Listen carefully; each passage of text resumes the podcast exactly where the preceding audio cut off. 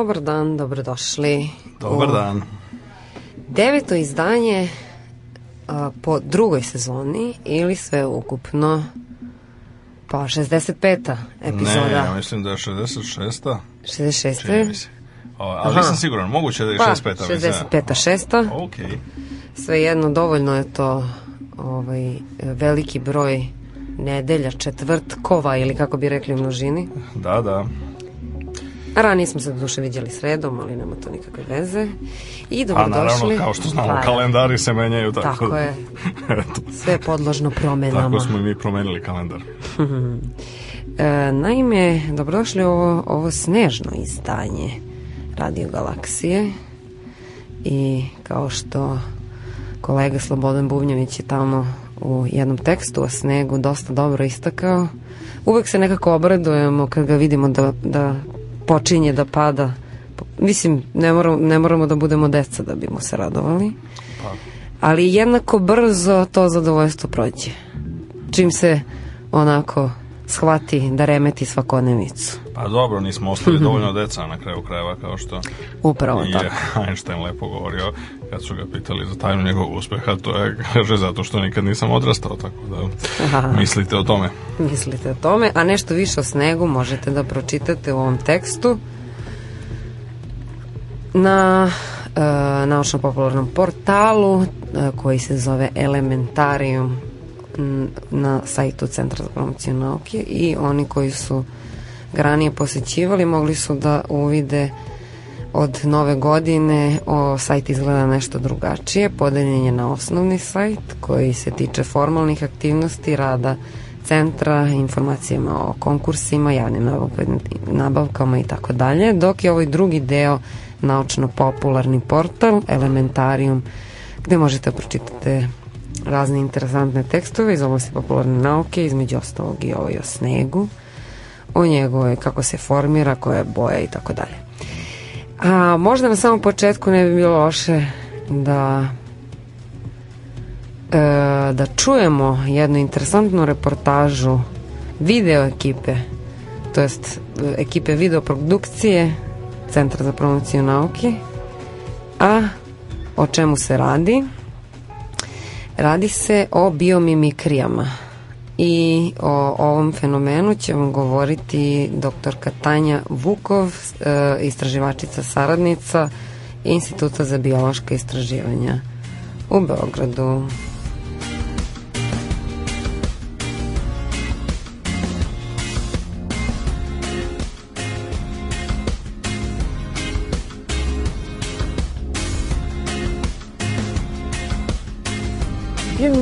stvari dizajnerska disciplina koja se bavi inovacijama, tehnološki koji su inspirisani prirodom.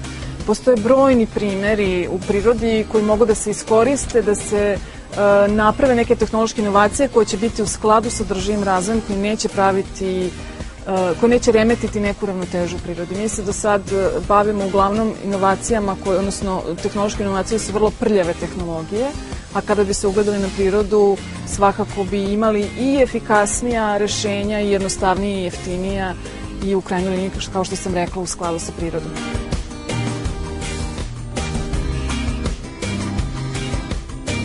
Jedan od primera, jedan od primera bi bio mm, imitiranje kretanja gekona po staklu. Znači, gekon je gušter koji može da se kreće vertikalno po staklu. E, to je iskorišćeno, na primjer, za kretanje peračasta kala na visokim zgradama, pa su tako napravljeni neki dodaci koji oni stavljaju na ruke i na noge, koji im omogućavaju da se priljubljaju u staklo nalik na gekone i da se tako kreće po zgradama.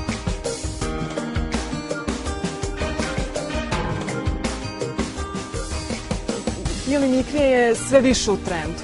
Zašto? Zato što mi sve više zagađujemo prirodu i javlja se potreba da probamo da napravimo tehnologije koje će biti u skladu sa prirodom. Eh, Biomimikra je nešto što eh, ima veliku budućnost i mislim da će svakako pružiti čovečanstvu šansu da eh, živi kvalitetnije i u krajnjoj liniji da opstanemo duže na ovoj planeti.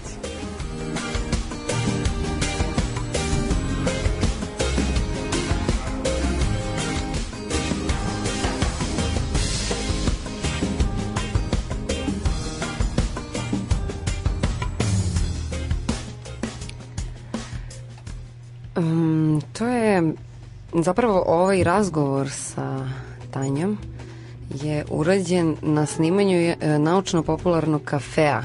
To je jedan projekat o, koji ide u saradnji Britanskog savjeta i RTS-a. Nadamo se da će uskoro da se emituje pa da vidimo o čemu se radi.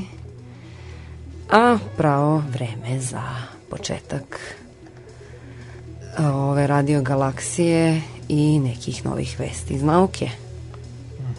Mm. Pa dobro, naravno, uh, ima raznih uh, pa sad moglo bi se reći manje ili više interesantnih i uzbudljivih vesti. E, ono što e, na što ćemo doći na kraju ovog dela e, vesti jeste zanimljivo pitanje aktualno vezano za sneg i skijanje, ali pre toga mhm. nešto o e, galaksijama na na velikim udaljenostima od nas koje Dakle, proizvode nove zvezde i to, on, to tempom i brzinom kako do, do sad i uopšte u našem lokalnom svemiru ne možemo da vidimo. E, e u najnovijem broju britanskog slavnog časopisa Monthly Notices of the Royal Astronomical Society, odnosno kako bi se reklo mesečne beleške u nekom bukvalnom prevodu mesečne beleške Kraljevskog astronomskog društva, taj časopis poznat i pod skraćenicom MNRAS e, je ili samo Monthly Notices ili samo Notices je jedan jedan od svakako najuglednijih i, i najstarijih ne samo astronomskih nego i naučnih časopisa ikada e, i to je mm, to je jedno glasilo sa zaista velikom tradicijom isto kao, baš kao što je tradi, astronomska tradicija u Velikoj Britaniji verovatno je li naj, najduža i najznačajnija na svetu e, a ono što Mountain Notices uspeva da se održi u konkurenciji mislim zove brojnih drugih časopisa iako je jedan od sad već otprilike manjine istraživačkih glasila koje ne naplaćuje nikakve e, page charges, e, fiove, takse i slične stvari. To je jako velika zasluga jeli, Kraljevskog astronomskog društva. U najnovijem broju mislim, je objavljen jedan interesantan rezultat. Naime, mislim, objavljeno je mnogo interesantnih rezultata, ali ovaj jedan koji neki način je privukao pažnju, između ostalog zato što koristi uh, novi teleskop, 12-metarski takozvani mm. A, A, Atacama Pathfinder eksperiment, znači to je teleskop postavljen u Čileu, u pustinji Atacama, kao što mu ime kaže, i uh, ima 12-metarsko, 12-metarski prečnik objektiva, što predstavlja uh, prilično revolucionarnu stvar, dakle, u poređenju do, do, tada, do sada dugo vremena Fenomena, mislim, zove, znači je, mm, je najveći teleskopi su bili e, par kekovih teleskopa na Havajima koji su imali po 10 metara objektiv. Ovo je nešto veći, do duše to je samo prelazni period, pošto se sad planiraju, mislim, je brojni masivni projekti kao što su 30 meters teleskop, odnosno teleskop sa otvoramo 30 metara i tako dalje. A, a sve u svemu, međutim, ovo je nova i to je nova i veoma savremena tehnologija. Sad jedan međunarodni tim na čelu sa profesorom uh, Ryanom Hitchcockom sa Dartmouth college je m, mm, istraživao uh, pre svega kako se se udaljene galaksije koje su poznate kao starburstovi, a to bi otprilike mislim zove moglo da se jeli, prevede kao jedan uh, blesak formiranja zvezda, odnosno u pitanju su galaksije kod kojih se, kod kojih se zvezde i to ne zvezde nalik suncu tako relativno mirne, normalne i stabilne, nego veoma masivne zvezde, recimo zvezde koje su 10 i 20 puta i više masivnije od sunca. E, one imaju njihov sjaj. Recimo to su primeri takve zvezde su na primjer četiri centralne zvezde koje se nalaze u Orionovoj maglini. Orionova maglina je jedan od najfascinantnijih astronomskih objekata u našoj galaksiji i relativno blizu sunčevog sistema, tako da m, tu može da se ona je, pa to je verovatno dakle posle sunca i planeta u sunčnom sistemu najviše posmatrani objekat na nebu. E, Oriona maglina predstavlja jedan deo velikog kompleksa e, međuzvezdane materije koji, u kome nastaju nove zvezde velikih masa i u samom centru se nalazi takozvani trapez.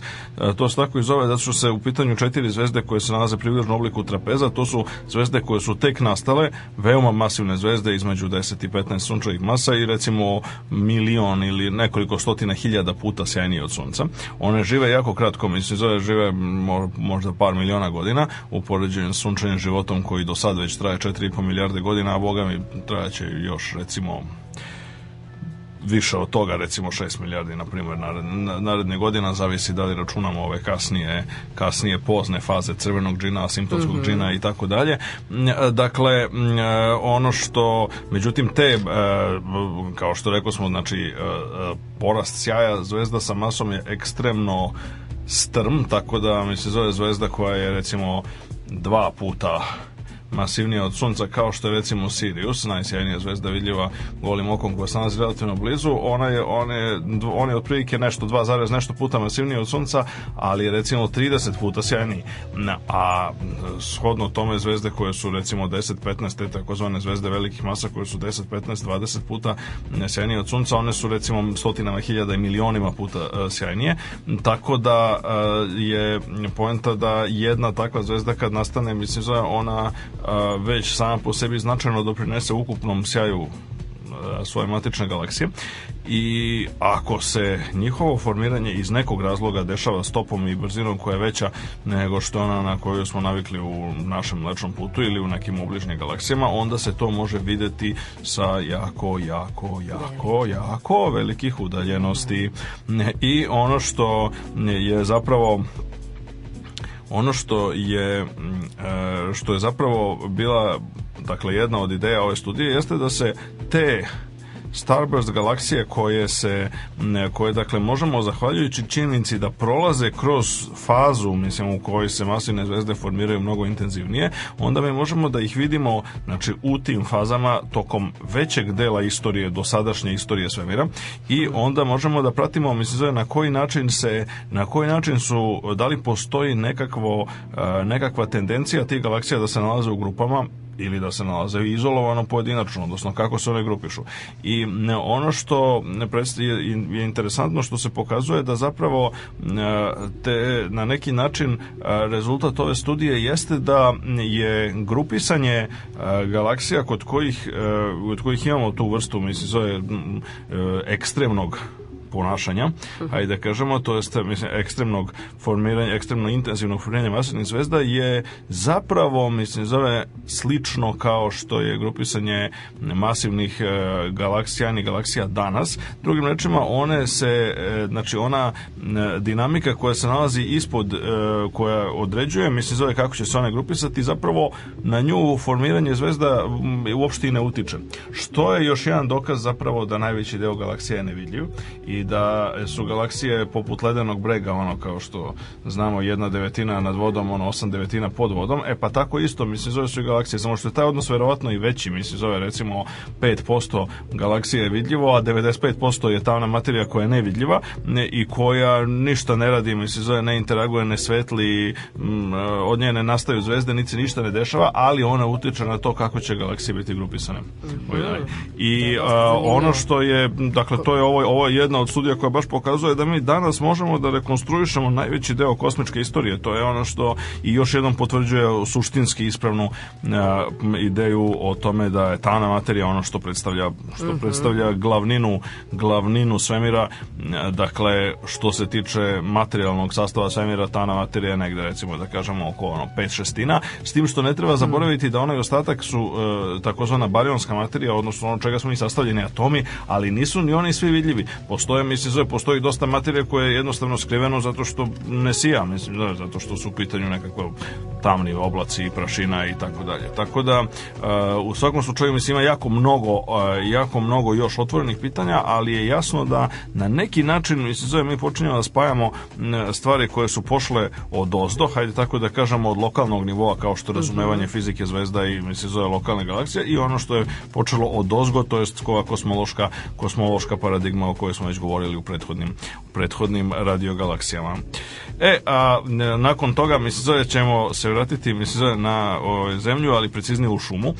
Dakle, u šumi, a, a ne bilo kakvoj, nego u tropskim šumama imamo a, jedan interesantan, ba sad, zabrinjavajući fenomen, e, a to je kao što znamo generalno opšti fenomen deforestacije. E sad podvrsta podvrsta e, generalnog problema deforestacije je nešto što se sve više i više naziva peak timber. E sad, to je e, neologizam koji je napravljen po uzoru na ideju o peak oilu, odnosno o vrhuncu svetske proizvodnje nafte, mislim zove nekom koje mislim da ona opada, sad diskusije o tome da li smo im prešli ili dostigli, mislim da peak oil i tako dalje, to je velika stvar u energetskim studijama. E, ono što je interesantno jeste da zapravo Da li je možda, da li je možda situacija takva da posebno što se tiče tropskih šuma da smo dosegli neku vrstu peak timbera, odnosno da postoji a, maksimalna produktivnost šuma s obzirom na a, razne faktore, pre se, jedan deo su klimatski faktori koji utiču mislim, na rast šuma, drugi deo je ljudski faktor koji je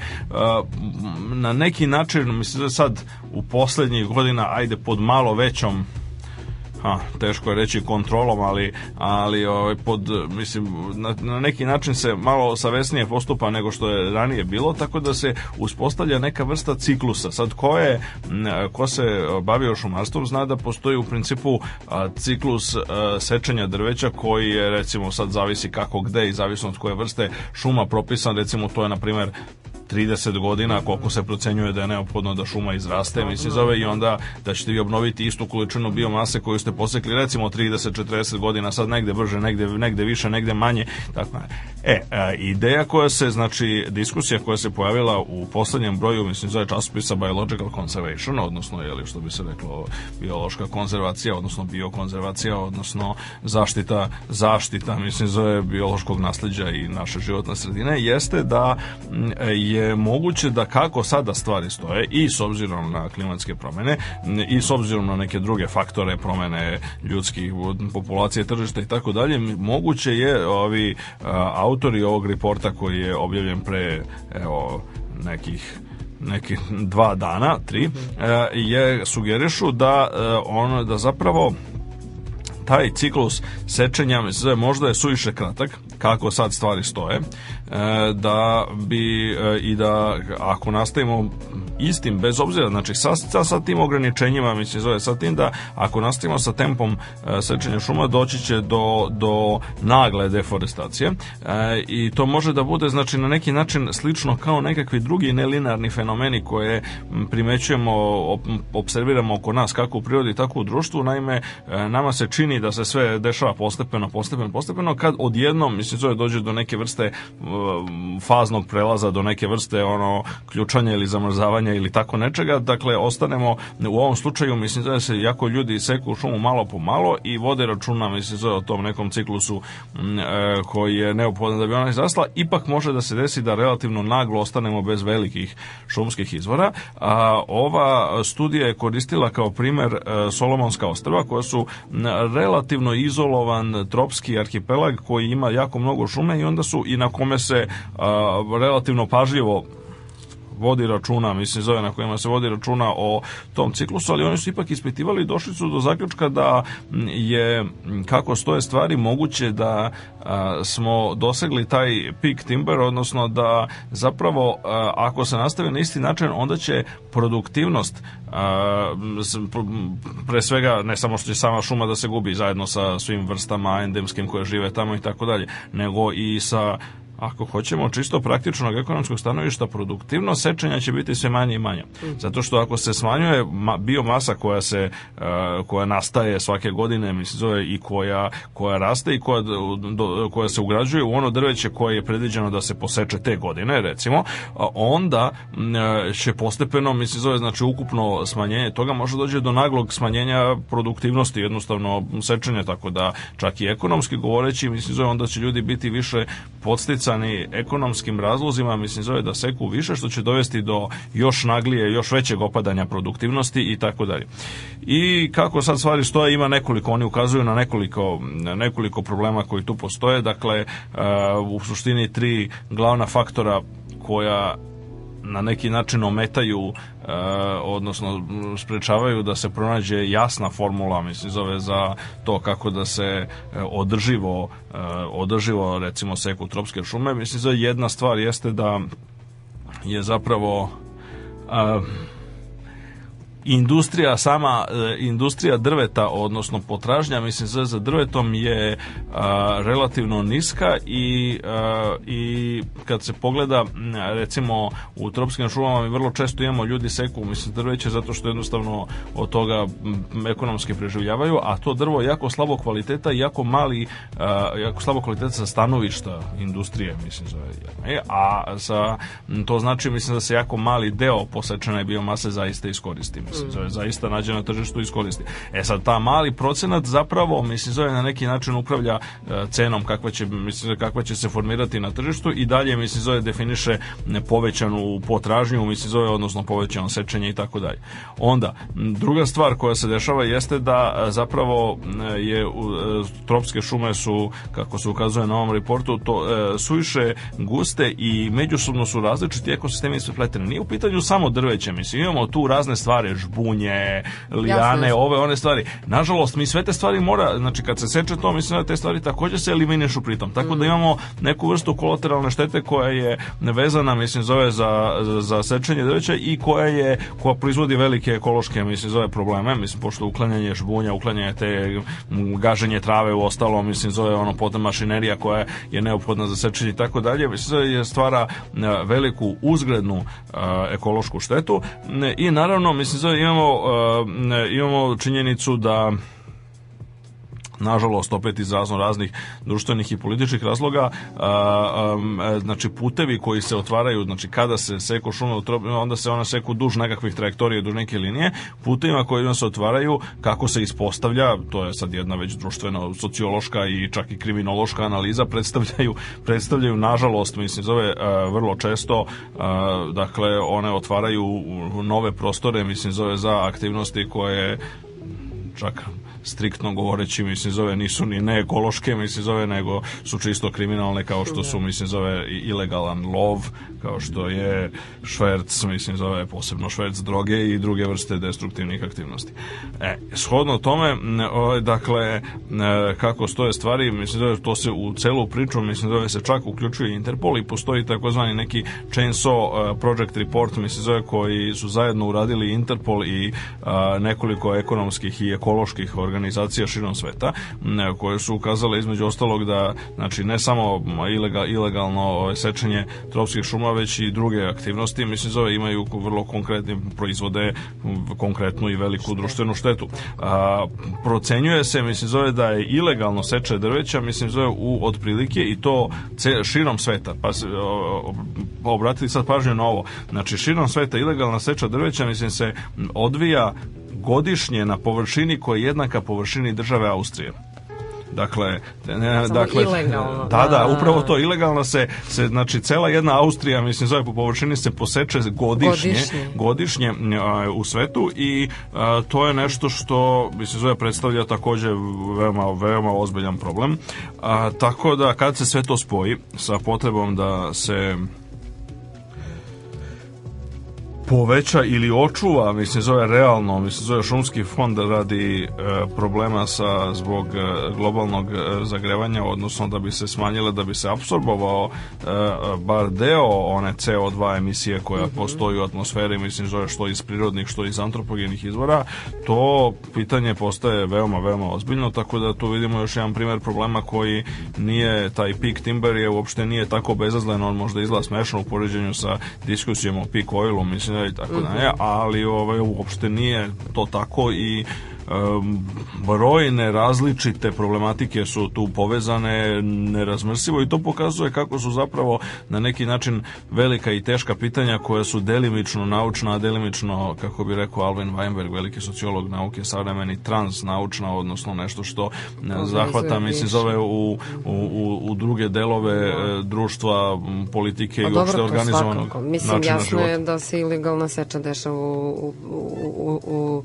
državama sa naravno ne, dovoljno nerazvijenim društvenim državnim sistemom prosto politički upravo tako da. to, mislim i i ono što, jedan već širi problem i da. ono što e, dakle ono što ono što jeste jasno jeste da od toga i oko toga možemo da imamo tek tek velike probleme u godinama i decenijama koje dolaze a sad malo muzike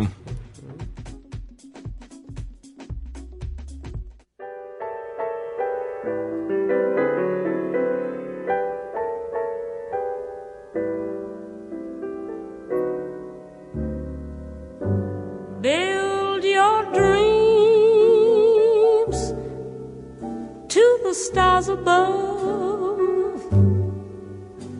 But when you need someone true to love, don't go to strangers, darling. Come on to me.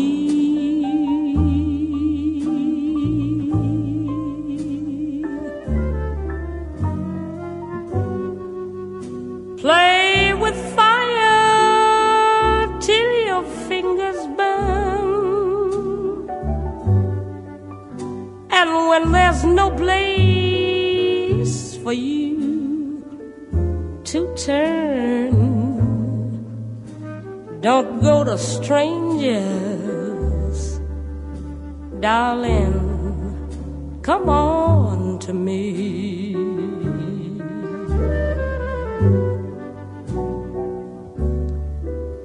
For when you hear a call, to follow your heart. You follow your heart, I know.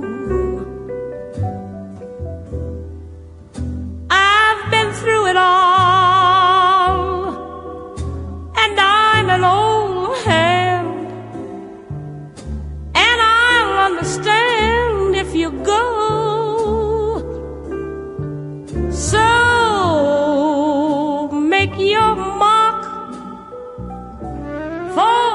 friends to see.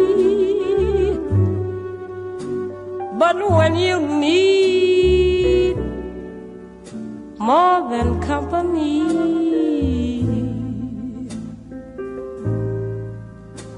don't go to strangers. Come on to me.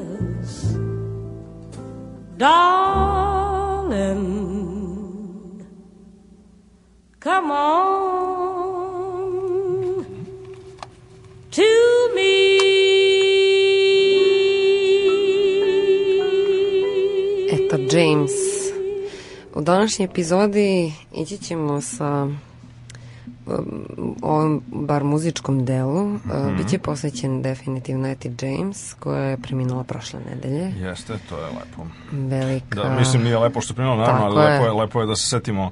Ove, ovaj, velika kako... rhythm and blues diva 20. veka, boga mi. E, da, i 21. I 21. A da, proteklih dana e, spekulisalo se u medijima, kao što to obično i biva, e, o još jednoj naučnoj, naučnom fenomenu, takozvanoj sunčevim olujama. Ah, ah, da. Da, da.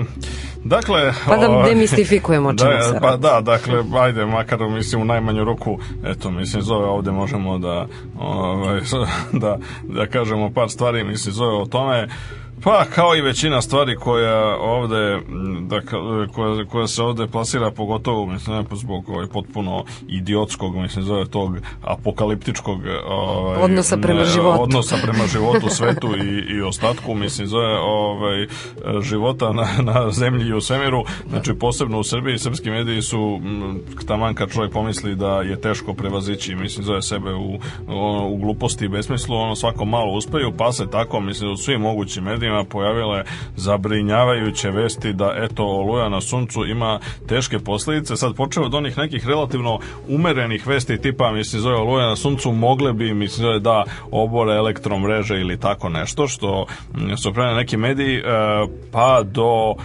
ekstremno bizarnih gluposti, mislim zove kao što su eto nestanak struje zbog oluje na suncu, znači koji se već dogodio i kao što je mislim zove u jeli ovaj ono nešto je moglo se počita u kuriru, a to je da je zbog oluje na suncu opasno raditi na većim visinama i da se Tako ne treba je. penjati na merdevine yes. i krovove kuća, mislim. Dakle, a, da. a, a, dotle da da pošto u Srbiji je bilo oblačno, onda je bila zaštićena, tako da će samo tako je bila prognoza u tim vestima, a, govorilo se o pospanosti. E da, dakle ako se osetite kojim slučajem pospani, onda, onda morate da znate, mislim zove, obavestit će vas jeli, naši visoko pouzdani i naučno sofisticirani mediji da je to zbog oloja na suncu. E, dakle, mislim zove, ovo ovaj, je stvarno krajnje vreme da se, da se malo demistifikuju stvari, ja znam da, mislim, mnogi očekuju tu sad kataklizmu ono, 2012. i tako dalje, ali ovaj, zaista nije red, mislim, da optužujemo naše sunce koje, eto, mislim, zove već 4,5 milijarde godina obezbeđuje uslove za život na zemlji i mislim zove da za nešto posebno. Dakle, sunčeva aktivnost, sunčeva aktivnost je stalno promenjiva, odnosno ona ima vreme kao što je vreme na zemlji. Ako danas u Beogradu pada sneg, na suncu do duše ne pada sneg, ali su takođe veoma promenjive takozvane helio, atmo, heliosferske, mislim zove heliosferska klima i ne, u suštini solarna klima generalno a, i pošto je sunce mnogo veće od zemlje i pošto je pošto je mnogo više energije koja se isijava mislim da sa površine sunca odnosno sa sunčeve slojeva sunčeve atmosfere kao što su fotosfera, hromosfera, korona e, to je sve ono mislim zove relativno jednostavno što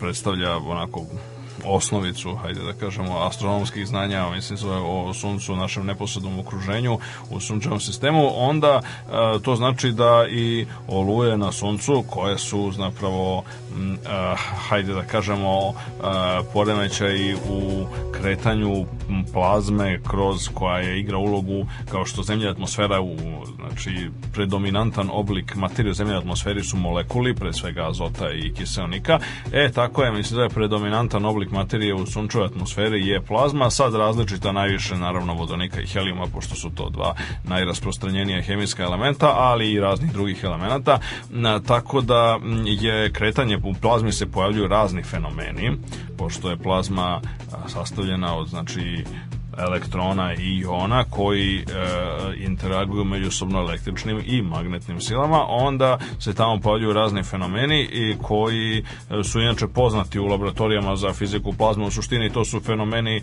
samo na mnogo većoj skali koji se dešavaju recimo u uređajima gdje se koristi plazma, recimo kao što je plazmatron, plazmeno zavarivanje, u krajnjoj instanci čak i neonske cevi, mislim zove da u nekoj jako maloj meri.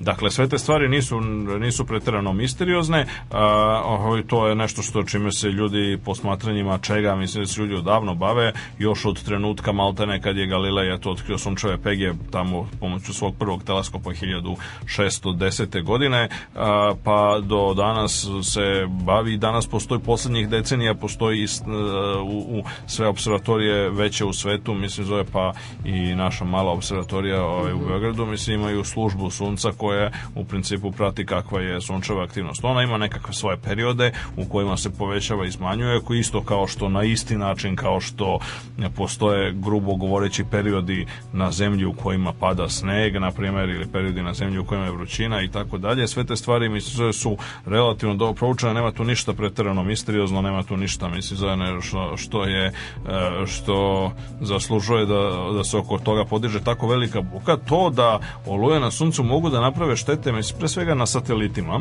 o, to je takođe odavno poznato to nema apsolutno ništa novo vezano, vezano za to. E, dakle, ali to je, to je jedna od, jedna od mnogobrojnih rizičnih fenomena na kraju krajeva vi bilo šta kad napravite mesizove pa i satelit mesizove treba da vidite na ovo ili one meri u kojim, u, u, znači u kojoj meri na koji način ćete ga uz što manji trošak ili obezbediti od raznih rizika.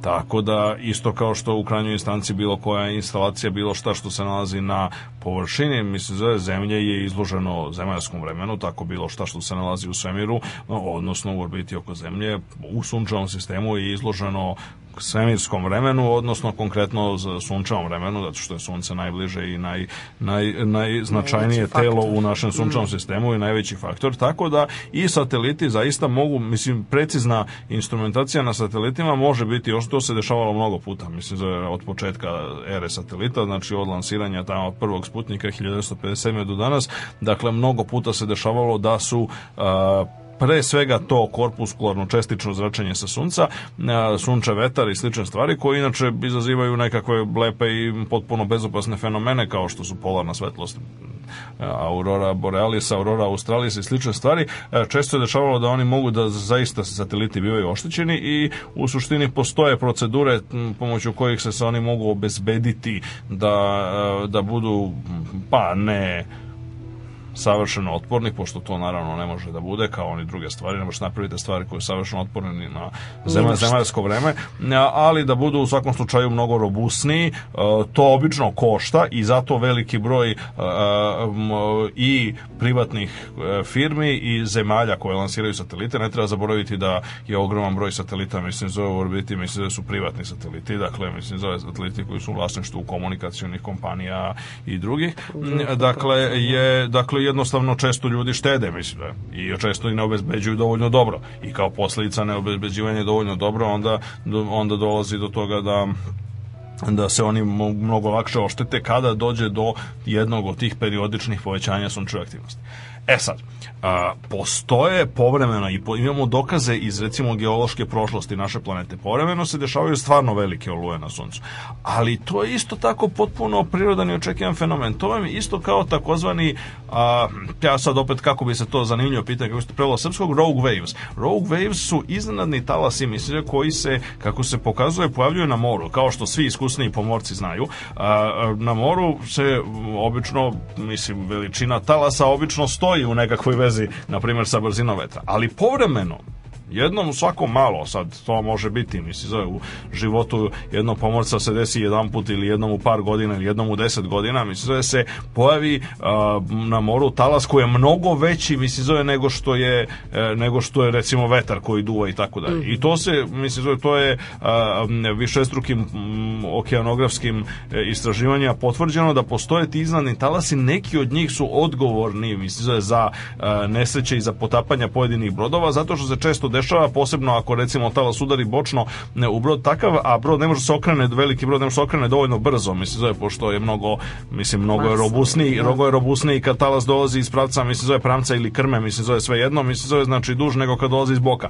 Ako se podigne tako iznadni talas, onda on može da potopi brod, mislim, i, eh, ili može da ga skoro potopi, recimo poznati slučaj sa brodom Queen Mary koji je tokom rata, drugog svjetskog rata služio kao za transport, mislim zove eh, namirnica i stvari, robe iz materijala iz Amerike u Veliku Britaniju, znači za snabdevanje, mislim, zove savezničkog ratnog napora, jeli, Amerike, e, desilo se, tokom rata se desio primer da je e, taj ogroman brod, mislim, da koji je zaista jedan od najvećih na svetu, je bio za malo potopljen, odnosno on se pomario ne znam koliko stepeni od vertikale. Znači, on se nagnuo za nekakav užasno veliki ugao, recimo 50 stepeni ili tako nešto, mislim. Znači, jako veliki kao posledica neočekivanog, mislim, zove talasa koji se pojavio, što bi rekli, ni otkuda. Mm -hmm. E, to se dešava. A A nije I to je, po, to je posledica, a nije tsunami, da, ne mora da bude, mislim, sve. Da. Naravno, može da bude i tsunami koji je, e, može da se pojavi Manje. tsunami koji je mm. neprime, neprimećen, mislim, mm. u smislu da, da ne može da se identifikuje ili da su u datom trenutku, ne, danas to više ne, ranijim, ranijim godinama i decenijama je bio slučaj da, recimo, se zemljotres bude mali ili se uopšte ne oseti ili se uopšte ne primeti, a da izazove značajan tsunami, to je takođe moguće, ali u svakom slučaju u, e, e, znači, s fizičkim sistemima koji su statističke prirode, a to su maltene svi fizički sistemi po sastavljanju jako velikog broja podsistema, odnosno čestica, mi imamo situaciju u kojoj a, mogu da dolaze do veli, pojavljuju se poremeno velike fluktuacije. I poremeno te velike fluktuacije se pojavljuju same od sebe. Ne treba nikakav poseban razlog da bi se one desile. Kao što ti rogue wave talasi, mislim, zove, se pojavljuju ponekad, mislim, zove, čak i sasvim lepo vremena, mislim, zove, i kad je mm. prijatno se, a doduše jako, mislim, i srećom jako redko, naravno, a, ono što je isto tako može se desiti da poneke, mislim, oluje na suncu budu mnogo veće od drugih, odnosno one izađu iz nekog nivoa a, raspodele koje, koju imamo kao posledicu to ovog, ajde kažemo, relativno normalne smene solarnog vremena. Isto kao što ponekad, mislim, zove na zemlji, mi mislim, zove je snežno luje i slične stvari, budu mnogo veće nego što bi to očekivao čovjek s obzirom na podneblje u kojima se nalaze i s obzirom na dotadašnju klimu tamo. A, to može se desiti. Međutim, te stvari nisu jasno predvidive pre svega e, i one se odvijaju obično na jako velikim vremenskim skalama. Obično mislim da su potrebne hiljade godina da prođu između tako velikih mislim oluja. Nemamo nikakvih razloga da verujemo da je sadašnji period pojačane solarne aktivnosti koji je nesporan, ali sasvim prirodan opet u okviru ciklusa solarne aktivnosti da je, da će on biti karakterisan tako nekom nekim ogromnim potresom i ogromnom olujom. I a, naravno mislim da shodno tome a, u, u suštini a, cela halabuka koja se podigla u medijima je naravno kao i uvek mislim zove mnogo priče ni oko čega što bi rekao gospodin Šekspir a, hm. tako da je a i nepoznato no, mm, nam je da se uopšte desila neka šteta ideje o tome mislim, mislim zove da će, da će nestati struja a pogotovo ideje o tome mislim zove, da ćete da je opasno mislim zove penjati se na krov i raditi na merdevinama su naravno mislim zove notorna glupost i posljedica mislim zove naučne nepismenosti i jednostavno činjenice mislim zove da se u medijima naučnim tema niko ne bavi ozbiljno naravno posebna priča kao i drugde, ali po to, to, to već više nije, mislim, zove za, to se već više ne tiče ni ono svemirskih, ni atmosferskih nauka, ni klime, ni drugih stvari, nego se tiče nekih drugih problema, mislim, zove političko, psihološko, psihopatološke prirode, jesu, naravno, mislim, zove komentari ovaj, neko, na, koji se pojavili na ove vesti, mislim, zove koji su um, počeo od zaveroloških komentara, mislim, zove u smislu, eto, da to posljedice ljudskih eksperimenata, ne shvatajući, mislim, zove na, na najelementarniju činjenicu, a to je da solarne, solarne oluje, čak i neke prosečne solarne oluje, oslobode više energije nego što je čovečanstvo, mislim, zove, proizvelo tokom svog postojanja na zemlji, mislim, zove. Dakle, od kad su ljudi nastali na zemlji, kad nastala ljudska civilizacija, mislim, zove, do danas, znači, ukupna količina energije koju su ljudi uproizveli ikada je, recimo, manja nego što je e, energija nekve prosečne solarne oluje. Tako da, u tom kontekstu je, e, znači, ideja o tome da bi ljudi mogli da utiču, mislim, zove, na svemirsko vreme je zaista naučna fantastika i to čak ne ona bliska, mislim, zove, nego ona, ove, što bi rekli e, poznavaoci space opera, mislim, zove, posebno iz onog naivnog perioda SF-a tamo 50-ih i 60-ih godina, mislim, zove, kad, kada se, kada se da, e, dakle, to ima, to apsolutno nema blage veze sa realnošću hmm. i naravno, mislim, zove, ono, to da, to da e, može da dođe do nestanka struje, mislim, zove, pa normalno, ali verovatnoća da dođe do nestanka struje usred zemaljskih i društvenih ovaj, razloga Naime, na primjer, usred, usred bankrotstva ovaj, elektroprivrede, mislim, usred nesposobnosti, mislim, zove mm. ljudi zaposlenih u elektroprivredi, usred neplaćenih računa i slično, je daleko, daleko, daleko mnogo više redova veličine veća nego što je opasnost da do nestanka struje, mislim, zove dođe zbog solarnih oluja. Tako da, bez obzira na to što ni jedan rizik ne treba, ja sam poslednji koji će da, da tvrdi, mislim, zove da rizike treba prenebregavati, gurati po tepih i tako dalje. Ali treba staviti stvar stvari na svoje mesto, kao što mislim, to može da se desi, mislim da sad evo, dok o, pravimo ovu emisiju Radio Galaksija udari o, asteroid o zemlju, mislim, zove i ubije nas ovde na mestu, to može da se desi, nije isključeno, to je takođe rizik, mislim, ali to je rizik s kojim manje više živimo, tako da ne verujem da će, ne, i da će čak i... Dnevno, ono, dnevno političke pa upravo to, mislim, na tu temu. Upravo da. to, mislim, tako da, tako da čak ni, ovaj, čak ni najluđi tabloidi, mislim, zove, zapravo ne pokušavaju da zamajavaju javnost, mislim, mislim zove e, time da treba da se, da se plašimo od asteroida, mislim zove ili kometa koje to mogu da udare u zemlju, naravno dešavalo se mnogo puta i to je ono dobro dokazano. Da li oluje na suncu mogu da izazovu nestanak struje? E pa to je ono što nije dokazano. Možda mogu, možda i ne mogu. I na, sa tim nemamo nikakvih iskustva, za razliku recimo od sudara sa asteroidima i kometama. E, ali oko čega se treba više brinuti? Pa to je, opet kažem, više u domenu ovaj, sociologije ili bolje rečeno socijalne psihopatologije. Psihologije. da, da, da. da.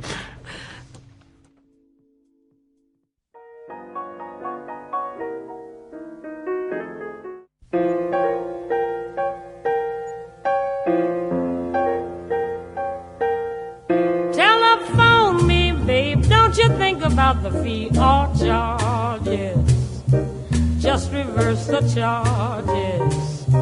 Say that you'll be mine. When you talk to me, makes no difference how the bill enlarges. I'll accept the charges. Just reverse the charge.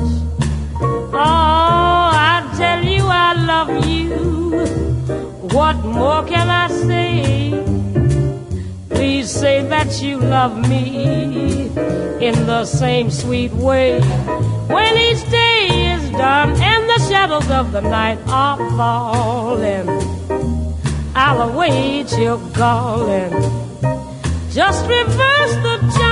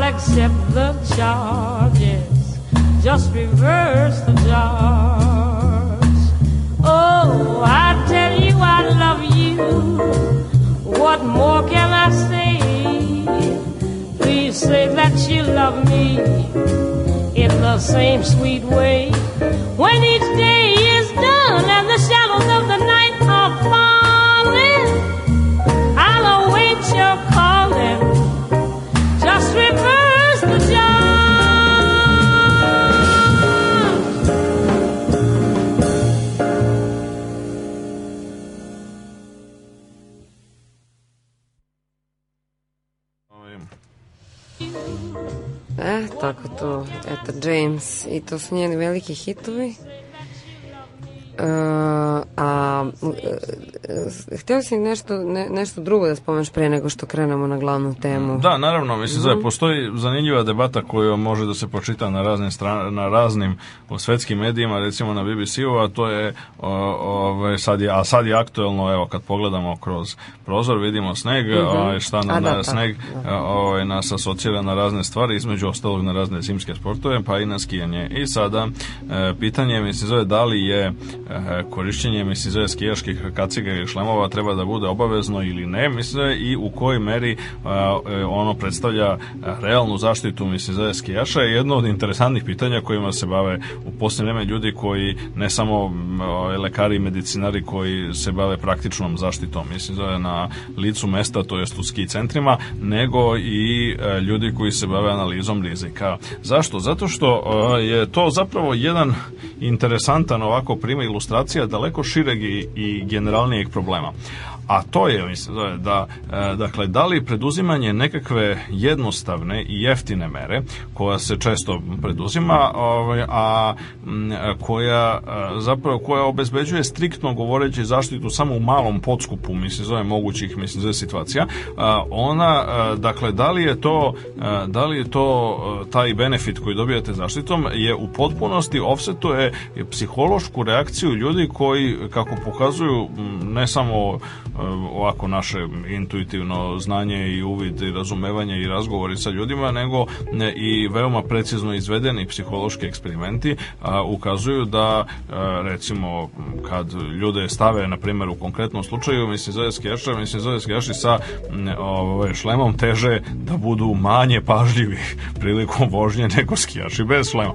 I sad to su na, znači na prvi, to su dve suprotne tendencije. Dakle s jedne strane imamo mislim da realno gledano, o, Šlen zaista je, e, dakle, spasao verovatno mnoge ljude i života i zdravlja. Dakle, i e, poslednjih godina je na primer u mestima gde posebno ima mnogo vetra i, i gde, je, gde su uslovi recimo teški za skijanje, kao što na primjer u Škotskoj, mislim, za mali broj ljudi, relativno mali broj ljudi skija u Škotskoj, a, a, zato što, ne zbog to, mislim, ima tamo, tamo ima često dosta snega i ima, ima dobrih planina i dobrih staza i sve ostalo, samo što je vetar obično, mislim, da je takav da m, jednostavno jako ometa normalno kretanje e, i e, zabeleženo je recimo da znača, značajan procenat u 40% povećanja korišćenja, mislim, zove šlemova, odnosno kaciga među skijašima i borderima u, u Škotskoj. E,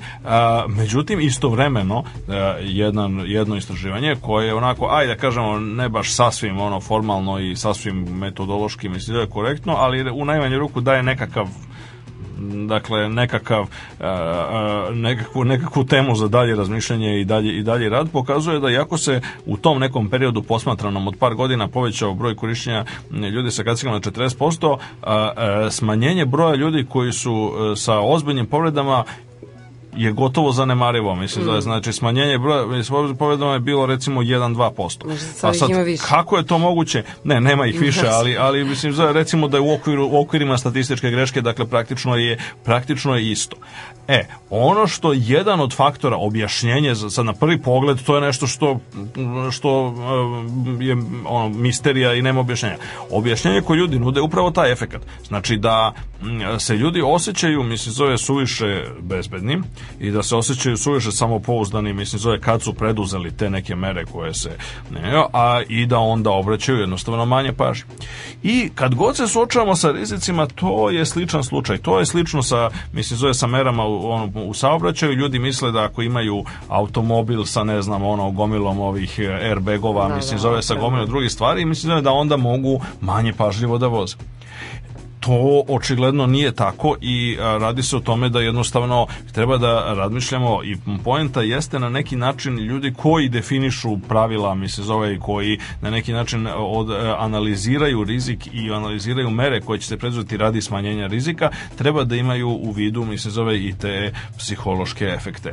A, ono što na neki način mislim zove važi za pojedinačan rizik po pojedinca kao što je mislim rizik da na skijanju ili u krajnjoj instanci ili za mali broj ljudi mislim zove kao što u saobraćaju isto tako važi i za velike rizike i kad govorimo o stvarima kao što su problem recimo antropojeno globalno zagrevanje i slično to je isto tako mislim zove ili recimo gubitak biodiverziteta i slične stvari znači ljudi vrlo često misle da ako se ako su oni a, preduzeli neke jednostavne mere mislim zove u smislu smislu koje malo popravljaju situaciju, e, na primjer, ne znam, recikliraju flaše ili, ovaj, ili ne koriste plastične kese nego papirne i slične stvari, da onda to na neki način, mislim, zove im za pravo da budu opušteni, da ne rade neke druge stvari ili da, na primjer, onda istovremeno vi koristite papirne kese, a, na primjer, onda u politici na izborima podržavate ljude koji se, koji nemaju ekološku svest ili koji su odgovorni za velika zagađenja, mislim, zove i tako dalje.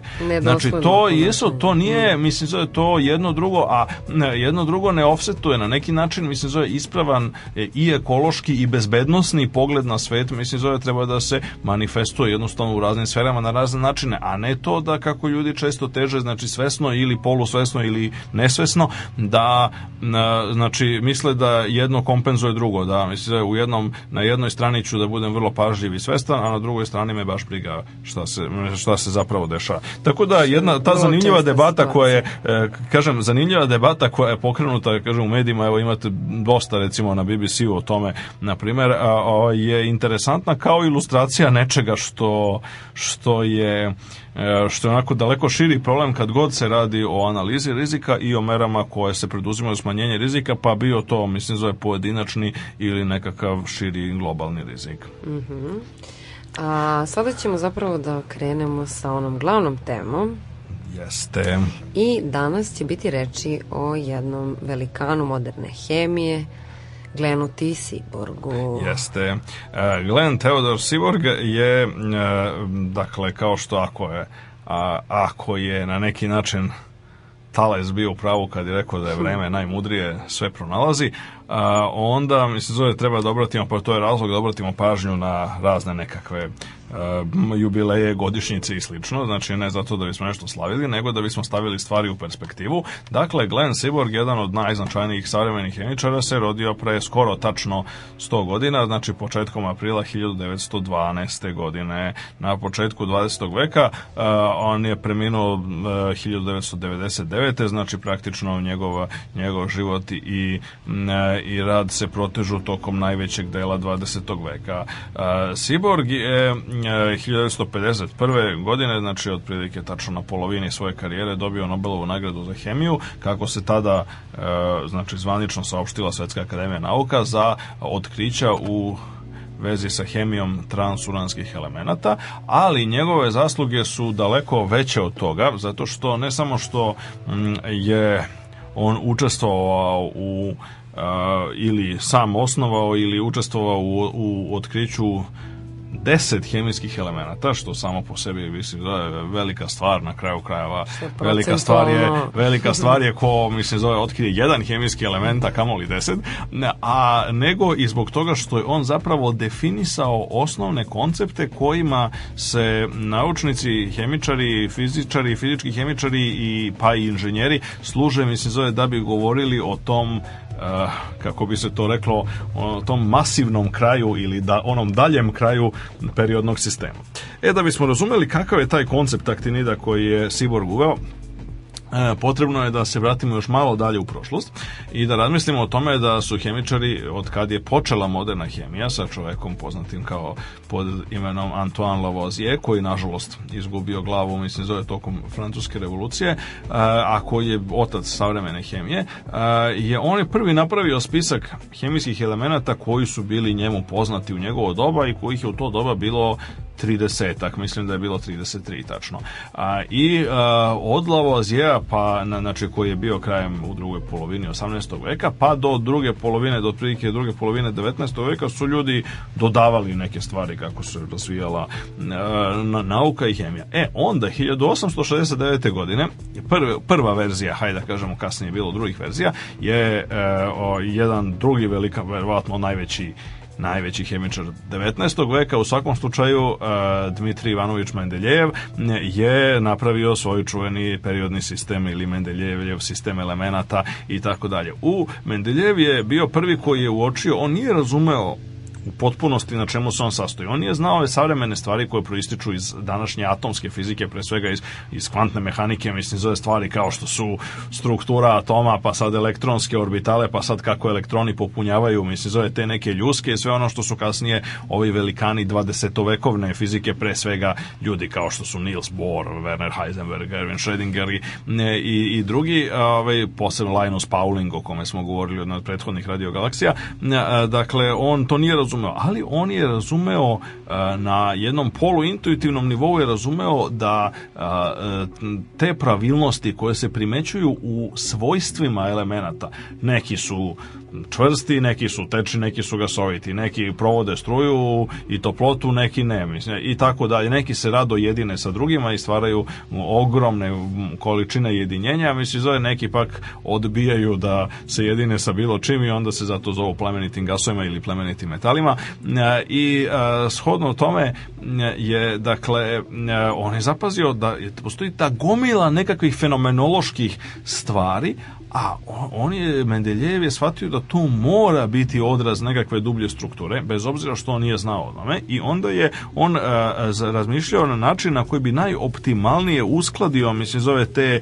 pravilnosti koje bi uočio u nekakvu schemu, mislim, zove koja uh, ne samo što uh, omogućuje da mi sad nešto klasifikujemo. Na kraju krajeva ljudi imaju vrlo često jedan nakaradan i, i vrlo pogrešan i nipodaštavajući odnos prema klasifikacionom ili taksonomskom radu. To je jako pogrešno. Mislim da, dakle, ljudi, a, ima poznata, kada se govori, na primjer, o istoriji biologije, postoji poznata sentenca koju su neko, mnogo ljudi govorilo u raznim periodima, niko živi ne zna ko je tačno, o, ko je tačno prvi rekao, mislim da je čuvenu rečenicu da nije bilo, ne, da nije bilo Linea, ne bi bilo ni Darvina. E, a poenta jeste u tome da Lina je poznat po klasifikaciji, on je uveo te, znači, e, latinsku onu nomenklaturu koja se koristi za klasifikaciju živih vrsta i poenta te rečenice jeste da nije bilo pre toga njegovog uspešnog rada na e, klasifikaciji i podeli taksonomije živih vrsta, ne bi mogao doći Darwin da objasni kako je došlo do takve raznovrsnosti živog sveta kroz e, evoluciju, prirodnu selekciju i slično.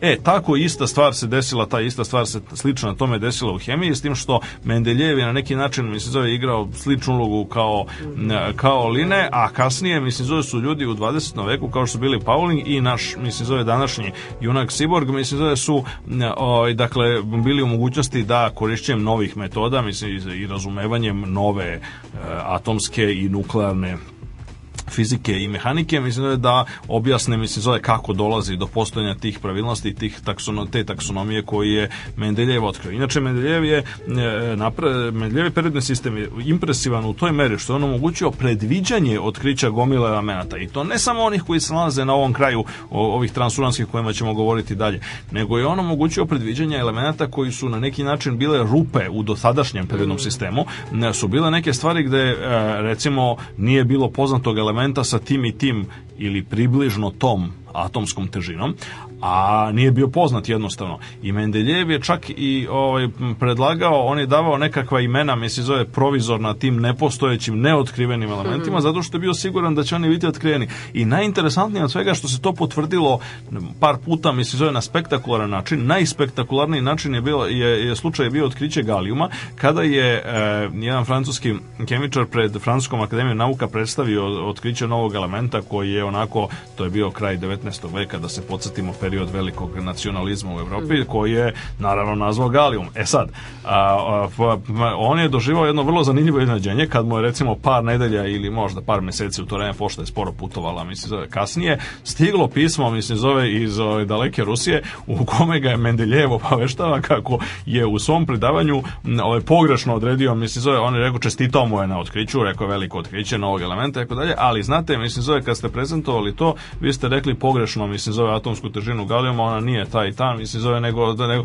nego tolika, je to, mislim, i bila je nekakva, neka greška. I ovaj se našao zapaljen, kaže, kako je moguće, mislim, zove da je on, pa zar je on onda imao, kaže, ja sam izolovao Galijum tokom ono užasno komplikovane analize tamo nekakvih redkih ruda, mislim, zove, trebalo mi ono N godina, mislim, zove da ga pronađem. I sad, da li je moguće da on ima, mislim, zove, da on već ima Galijum? A odgovor je ne. Mendeljev nije imao nikakav Galijum u rukama. On je jednostavno znao da čita periodni sistem, on je znao šta mora, on je predvideo i mm. bio je jasno, jasno mu je bilo da ovaj, ako njegova celokupna schema funkcioniše, onda ona mora da daje predviđanja, mislim, zove takva i takva i uh, u tome je on imao neverovatno poverenje, on je mm. bio savre, vrlo savremen čovjek u, jedno, u tom smislu da imao ozbiljno poverenje u teoriju onakvu kakvu, recimo, kakvom zagovara savremena epistemologija i, i, naučna i naučna metodologija, a to je da mi treba da izvučemo sva predviđanja mislim koja možemo mislim iz teorije i da ih ozbiljno shvatimo sve dok ne budemo bili sigurni da da, da, da ako je nešto drugačije mislim da, da je to onda kriza mislim u mm. nauci i tako dalje.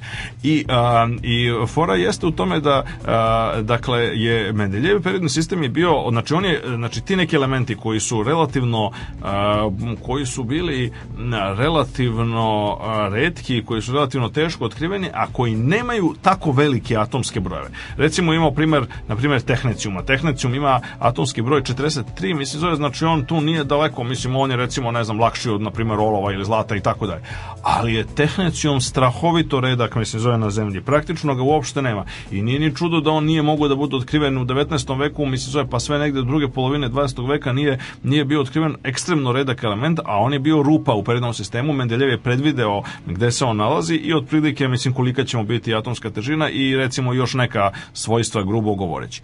A, bilo je još nekoliko takvih slučajeva.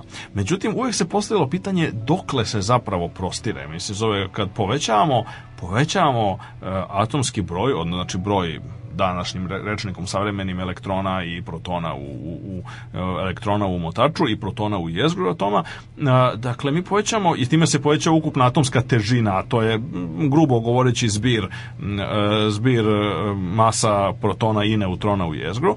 A, Sad naravno atomska težina je malo komplikovanije zašto ona nije ceo broj, mislim zato neko bi očekivao, ok, protona i neutrona uvek mora bude ceo broj, mislim ne može da bude u jednom jezgru, u jednom jezgru recimo 3,7 e, neutrona, to je nemoguće, može da bude 3 ili 4.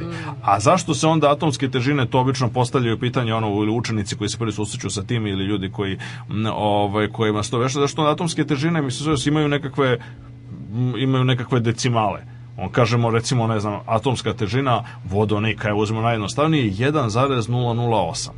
Sad ajde 1, to ćemo da razumemo, u njegovom jeziku ima jedan proton.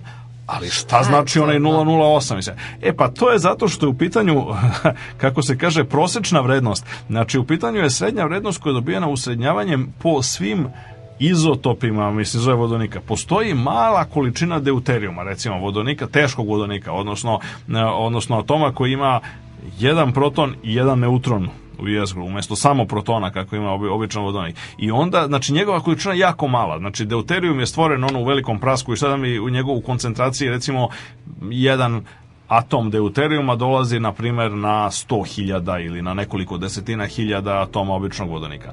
A on ima duplo veću masu. I onda kad mi usrednjimo to, mislim, zove u mm. nekakvom prirodnom uzorku, mi mešavili, onda dobijemo da on, dobi, on dodaje, taj deuterijum dodaje ono malo 0,08. Postoji treći izotop vodonika, tricijum, koji ima jedan proton i dva neutrona, ali on je radioaktivan, tako da se, uglavnom se raspa.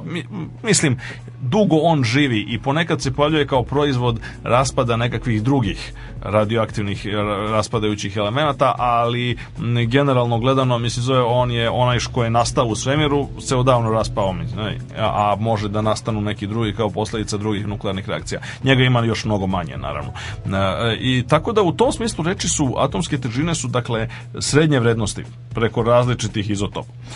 E, kako povećavamo idemo, kogod gleda, mislim, zove bilo, bilo koju verziju periodnog sistema ima to ne male, mislim zove one ima one, one zanimljive, zanimljive na karticama, ima to one velike postere u kabinetima za hemiju i šta ja znam.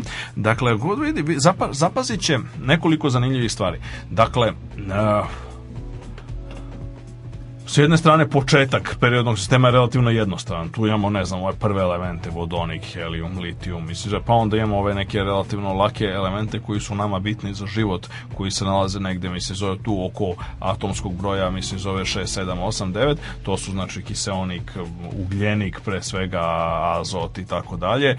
Onda, obično, kako se, obi, kad se obično nacrta uobičajeno periodni sistem, onda na krajnjoj desnoj strani, mislim, zove, imamo a, a, plemenite, plemenite gasove, to su oni koji se ni sa čim ne jedine, helium, neon, argon, kripton, ksenon i radon. Na, na ovoj, na krajnjoj levoj strani obično imamo takozvane alkalne metale, to su one nekakvi, mislim, zove, nekakve stvari koje su jako bitne generalno za nas, kao što su natrium, kalium i slične stvari, koji su, jesu metali, ali nekako onako, nisu baš pretarano šućmurasti, metali su nekako mekani, e, lako se tope i slično, i slično e, formiraju mnogo jednjenja, onda u sredini imamo ove razne stvari kao što su gvožđe koje je najstabilniji hemijski element, onda ove druge stvari, nikal i tako dalje. Tamo negde pri težim elementima već imamo plemenite metale, kao što su zlato, platina i platinski metali, iridijum, osmijum i slično.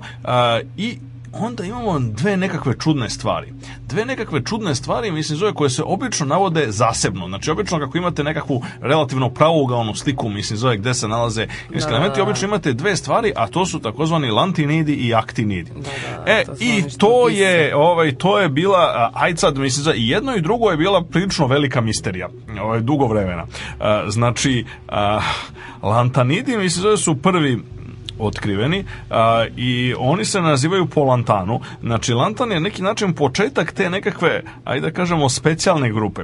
Kada su a, ljudi razjasnili e, strukturu elektronskog omotača Eh, elektronskog omotača eh, koji, eh, znači kako se elektroni organizuju, mislim zove oko jezgra. Sad to više nisu onako orbite kao što bi verovali u doba Čika Njutna da se ono mhm. ili, ili ovi neki da stari, stari slike o atomu kao da. i sličnom kao sunčev sistem. Eto, sunče, u sunčevom sistemu kao planete imaju male mase i kreću se oko sunca koje je najmasivnije u centru. U, ato, u starom tom nekom zastarelom modelu atoma, eto, elektroni imaju male mase i kreću se oko masivnog jezgra, mislim, pobije. E, to baš nije tako, mi zove, pošto u suštini kvantna mehanika nam zapravo govori da striktno govoreći elektron nema putanju, nema trajektoriju, nema oblik, nije to neka bilijarska loptica, mislim zove samo mnogo mala koja se kreće, nego neki način razmazan u prostoru. On ima takozvanu talasnu funkciju koja ima vrednosti širom prostora. Tako da se oni međusobno mogu preklapati, znači mogu dva elektrona jednim delom njihove talasne funkcije neki način moraju da prolaze delimično jedna kroz drugu. I, i onda, je, onda se one organizuju na jedan komplikovan način. I ta teorija hemijskih orbitala i uopšte koja je dovela posle e, Linusa Paulinga do teorije hemijske veze i tako dalje je jedna velika tekovina hemije i fizike i hemije 20. veka, a, ona zapravo nam objašnjava zašto u nekim slučajima e, postoje elementi koji su jako slični hemijski, a, ekstremno slični, a, malo se razlikuju po atomskoj težini, a na neki način, mislim, zove oni, a, ako bi ih stavili normalno, ako bi ih stavili, poređali normalno u periodni sistem, onda bismo time narušili one simetrije koje je Mendeljev otkrio, to je da stvari treba da budu slične, recimo u vertikalnim stupcima, na primer, i tako dalje, onda bismo narušili, zato što bismo skroz poremetili, pošto se oni na neki način svi zauzimaju kao da zauzimaju jedno mesto. Znači, kao da ima u slučaju, recimo, lantanida, znači, konkretno imamo, znači um, počevo od elemena, elementa broj 57 koji se zove Lantan, je li pa se po njemu mislim zove tako zove i cela i cela ta familija, znači uh, od 57 do 71 imamo 15 elemenata koji su sa stanovišta hemije gotovo ono, ko braća blizanci, mislim, oni su svi se isto mhm. ponašali. Zašto? Zato što ono što određuje hemiju uglavnom i što određuje 90, pa dobro, neću da kažem 99, ali recimo 90% osobina nekog elementa jeste pre svega njihov elektronski omotač. Znači, u principu je nebitno šta se dešava u njihovom jezgru, ono to koliko oni imaju protona, koliko neutrona i tako je, to nije bitno. Kako će oni interagovati s spoljnim svetom? Kako ćemo mi iz polja, mislim, zove ono u laboratoriji da primećujemo njihove osobine? To zavisi samo od toga, ili u najvećim delom, evo kažem, 90% od toga kako su, eh, kako su, kako, u kakvoj su prostornoj konfiguraciji njihovi elektroni. I pošto ovi imaju jako slične kako im je komunikacija. Onda se oni, onda se on, oni, mi njih na neki način na silu guramo na jedno mesto. Znači, guramo ih u jedno polje periodnog sistema, to je ono koje ima Lantan. Znači, od 57 do 71 imamo 15 komada. Oni su se nekada zvali uh, uh, retke zemlje. I to je zanimljivo zato što uh, je ne, originalno gledano, mislim, znači? zove, oni su pronalaženi u nekakvim mineralima. Oni su jako retki, pronalaženi su u nekakvim redkim uzorcima e, stena, mislim, zove i tla. Oni, na primjer, imaju, mislim, zapanjujuće koliko su slični u, u, u svojim osobinama. Recimo, na primjer, kad recimo pitamo koliko je koja je njihova tačka topljenja. I na primjer sad recimo Lantan broj PSC je recimo njihova tačka, tačka topljenja na 920 stepeni. E onda mi se zove njegov prvi prvi sused, mi se zove ima tačku topljenja, mi se zove na 795, pa onda tamo Prometium ima 935, pa onda Neodimium ima 1020. Znači to su sve jako bliske stvari. Znači oni su jako jako slični i u suštini ono što isto tako sa gustinama. Znači recimo jedan ima gustinu 6,16, drugi ima 6,77, treći ima gustinu isto 6,77, pa četvrti ima 7,01, sve u gramima po kubnom centimetru. Znači oni imaju fantastično slične e, fizičke osobine i ovako slično izgledaju. To su sve nekakvi metali, lako topljivi i tako dalje. Mislim, da imaju, i ima ih jako malo generalno. Zato, zato, su, ja, zato su jako redki. E, oni su, na, zauzimaju mesto lantana. A, to je, je njihova funkcija, mislim. Pa mislim nemaju neku posebnu funkciju zaista. Mislim one koriste posto, se oni. Ne, samo ne, tako postojanje. E, da, naravno, ne, neki od njih su e, ne, ok, neki od njih se koriste, mislim zove za imaju industrijske primene, mislim zove za nekakve u nekakve krajnje specijalizovane, dakle dakle nije nešto što je od ono od ne znam kakvog opšteg značaja. Recimo koriste se kao katalizatori, mislim zove za znači katalizatori to su oni e, one stvari koje se ne troše u reakcijama, znači oni koje on, mi njih stavimo i tu i one samo pospešuju nekakve druge reakcije mm. prilikom proizvodnje nekih retkih stakala, prilikom proizvodnje magneta i tako dalje. E recimo neodimium, jedan od platanida je vrlo značajan po tome što postoji taj takozvani neodimski laser.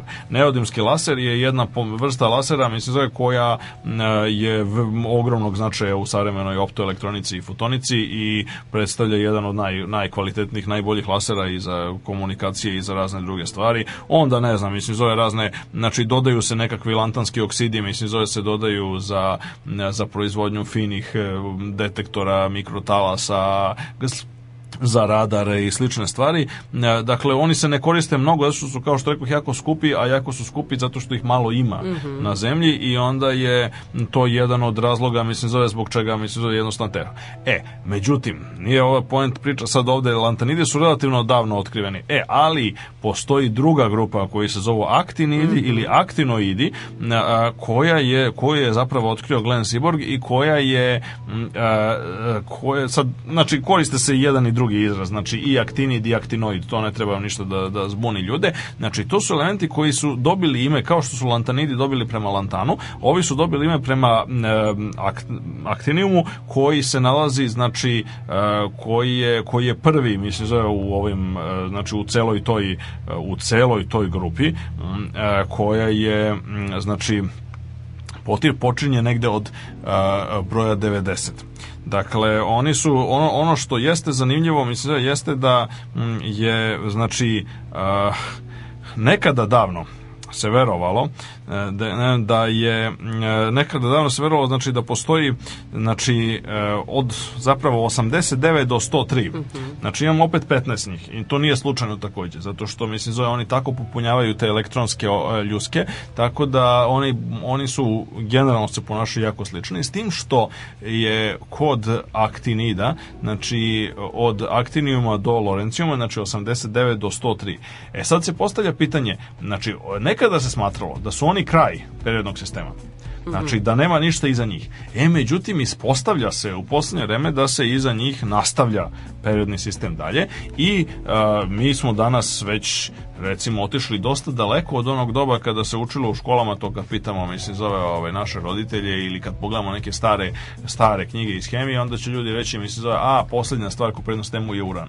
Uran je tradicionalno bio posmatran kao najteži mislim zove znači uran koji ima atomski broj 92 je bio posmatran kao najteži a, e, najteži hemijski element, međutim mi danas znamo da, da ne samo da on nije najteži, nego da danas idemo sve negde tamo do broja 118, znači do onih stvari koje su koje još nisu čak ni čak ni dobile imena.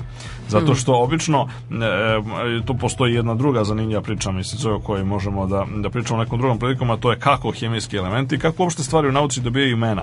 A, I hemijski elementi, mislim, dobijaju imena oko toga, od toga, e, znači originalno e, je bila poenta da su originalno imali nekakva trivialna imena, mislim, da tipa ono, znači ono da što sve znamo, mislim, zove, ne znam, bakar, zlato, srebro i tako dalje. To su neka stvari koje su ljudi znali od praistorije praktično, pa su nam ostala ta imena.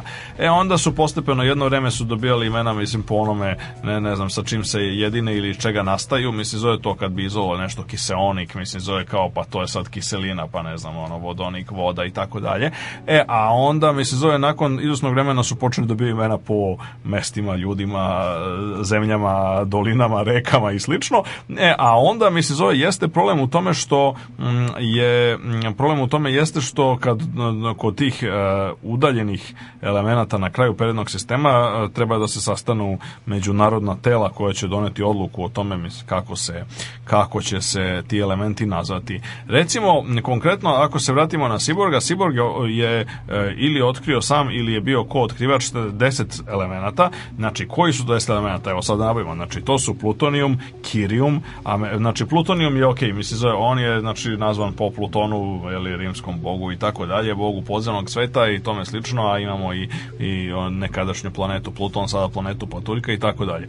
Kirium, Pierre i Marija Curie, Americium, Amerika, Berkelium, Berkeley, Kalifornijum, isto, pošto je Kalifornija, Einsteinium, opet znamo po kome, Fermium takođe znamo po kome, Mendeljevijum upravo smo pomenuli po kome, Nobelium po Alfredu Nobelu i element 106 koji je, mislim, zove nazvan Siborgijum, mislim, da. zove u, njegovu, u, nje, u njegovu čast, ne, dakle, Aha, i e, što je zaista, mislim, sasvim u redu, mislim, zove, pošto, kažem, otkriti 10 elemenata, mislim, zove novih, makar bili jako slični, pripadali istoj porodici, svejedno je to, ono, jako velika stvar.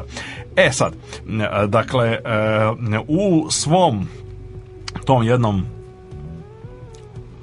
ključnom, mislim, zove tekstu, pod naslovom, mislim, zove o jeli, transuranskim elementima i napisanim 1946. godine, je Siborg zapravo, objavljeno u časopisu Science, je Siborg zapravo definisao taj koncept, tu ideju, mislim, da nama treba sad nova specijalna porodica kao što su lantanidi, mislim, zove tako nam trebaju i, antan, i aktinidi ili aktinoidi, da obuhvataju te stvari od, znači, aktinijuma od 89 do broja 103, koji u to vreme još nije imao ime, danas se zove Lorencijum.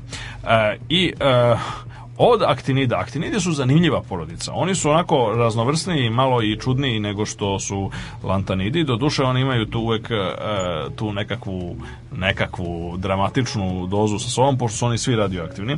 Znači oni su svi nestabilni. E, međutim, neki su mnogo nestabilni od drugih. Znači većina ovih stvari koje je Siborg otkrio, mislim, zove stvari kao što su recimo, ne znam, Kirium, Kalifornijum, Mendelejevom, one se raspadaju jako brzo. Znači to su elementi koji kad ih vi napravite u laboratoriji, znači za to vam treba tom ne može bilo kakva laboratorija, ne možete tu da napravite um, ono mešanje u epruveti ili ne znam tamo nekim destilacijom ili ono bunzanovim plamenikom i tako dalje. Znači to vam treba nuklearni reaktor. Tako je, znači vi treba bombardujete one... na primjer da, da, neutronima da. ili nečime, mislim neka druga i onda se dolazi do nuklearnih reakcija u kojima se nastavi da. E, većina njih se raspadne jako brzo.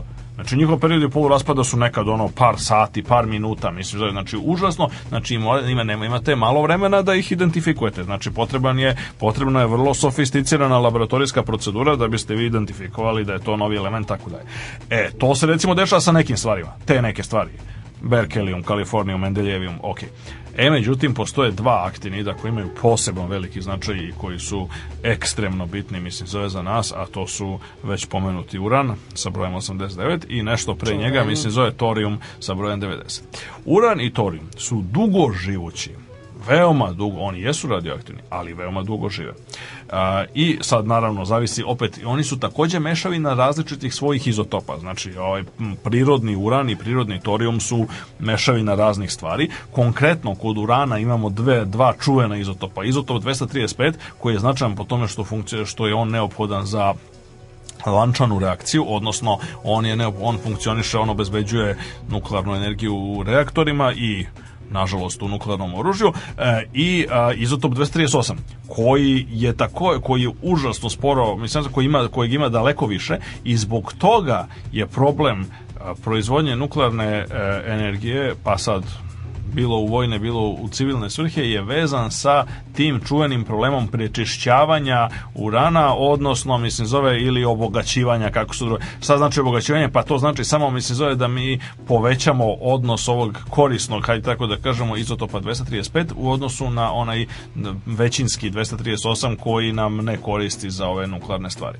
A, I to zato cela frka oko ovoga, proliferacija, neproliferacija. Međunarodna komisija za atomsku energiju, Elbar zarade i da li, uran radi, da li Iran radi na obogaćivanju urana ili ne, ne znam, Severna Koreja i tako je, sve se vrti oko toga. Zato što je prirodni uran ne može da se koristi, mislim, zove u, ni, u, ni za reaktore, ni za bombe zato što ima suviše malo izotopa 235 ako povećate na neki način udeo, ako uspete da razdvojite izotope, to je ta takozvana izotopska separacija koja je jako bitan proces u nuklearnoj tehnologiji, neki bi rekli i ključni, onda možete, mislim, zove da radite da proizvodite ili gorivo za nuklearne reaktore ili, ili punjenje za nuklearno oružje.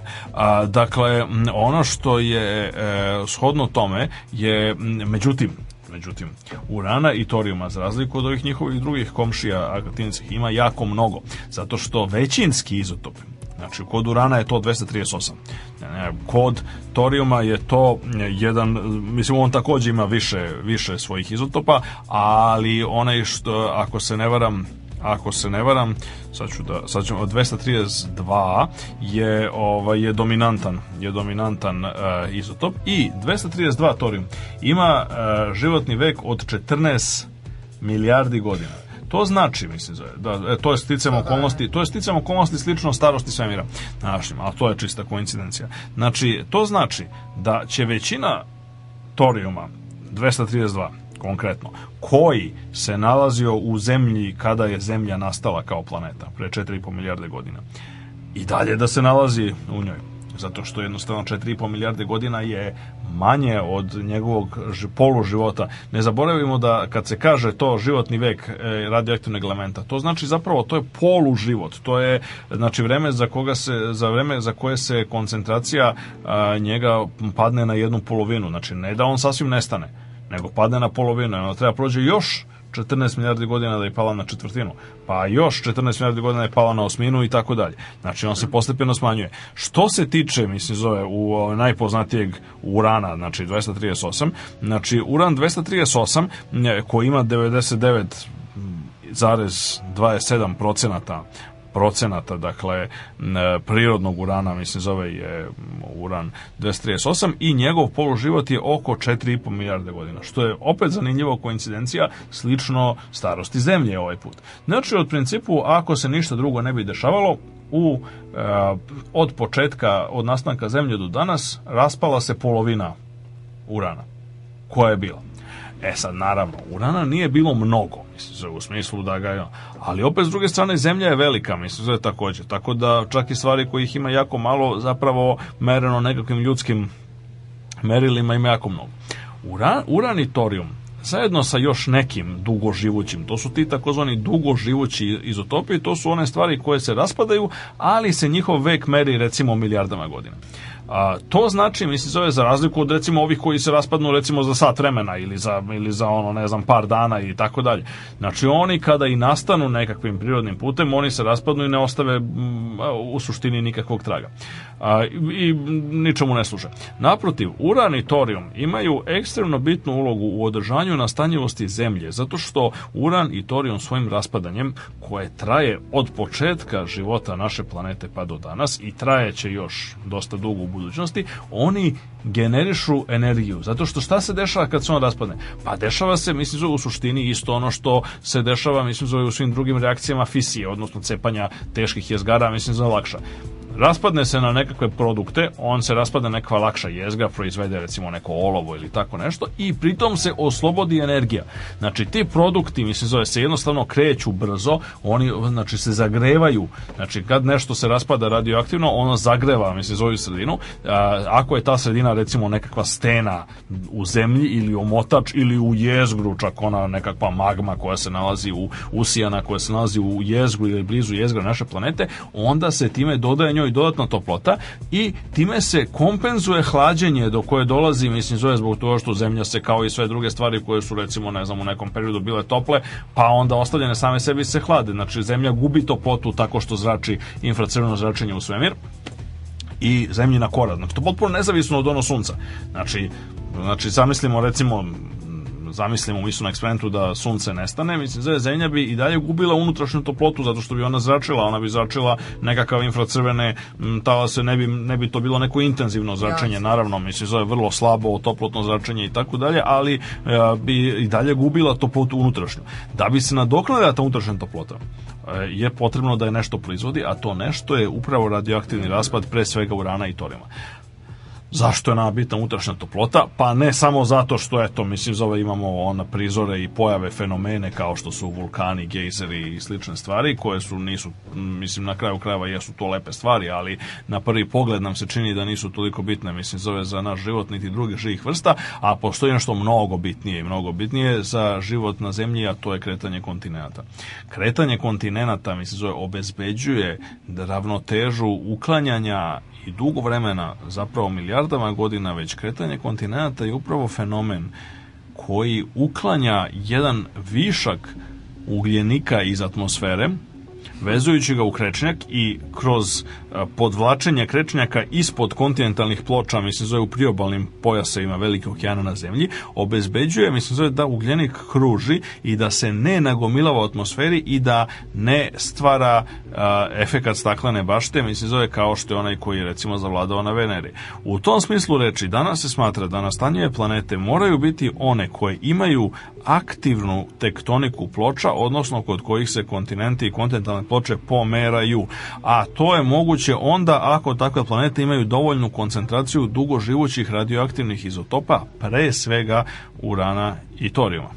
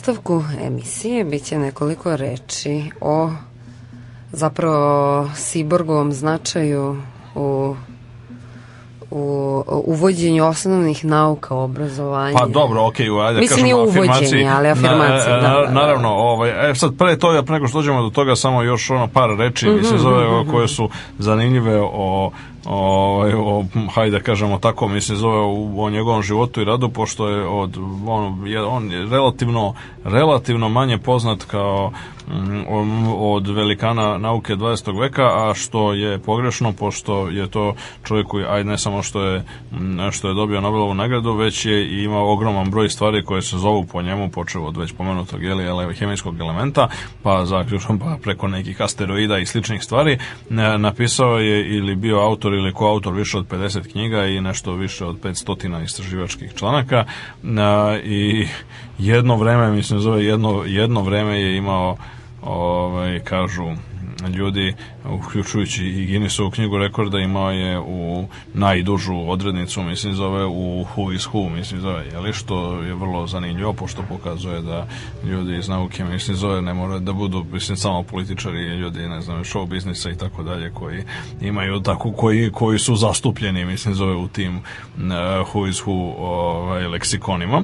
Hmm. A, inače, Cyborg je rođen, mislim, zove u jednom malom selu u Michiganu e, i studirao je na e, na čuvenom jeli, UCLA, odnosno University of California u Los Angelesu, gde je i diplomirao 1933. godine e, i onda je još kao Ovaj, mlad student je bio dakle u poseti UCLA-u i predavanje je držao Albert Einstein i Siborg, kako sam kažem, mislim zove to strahovito uticalo na njega i na neki način, mislim zove mu je uvek služilo kao ovaj model za uh, susrete i, i, za javna istupanja i za susrete sa studentima i tako dalje, mislim zove to što je Einstein, mislim zove sa njima posle predavanja sedeo i tako, mislim zove veselo časkao i sasvim, sasvim opušteno, tako dalje. Inače je, kasnije je Cyborg e, upisao postdiplomski i doktorirao hemiju na univer Univerzitetu Universitetu Kalifornije u Berkliju, za koji je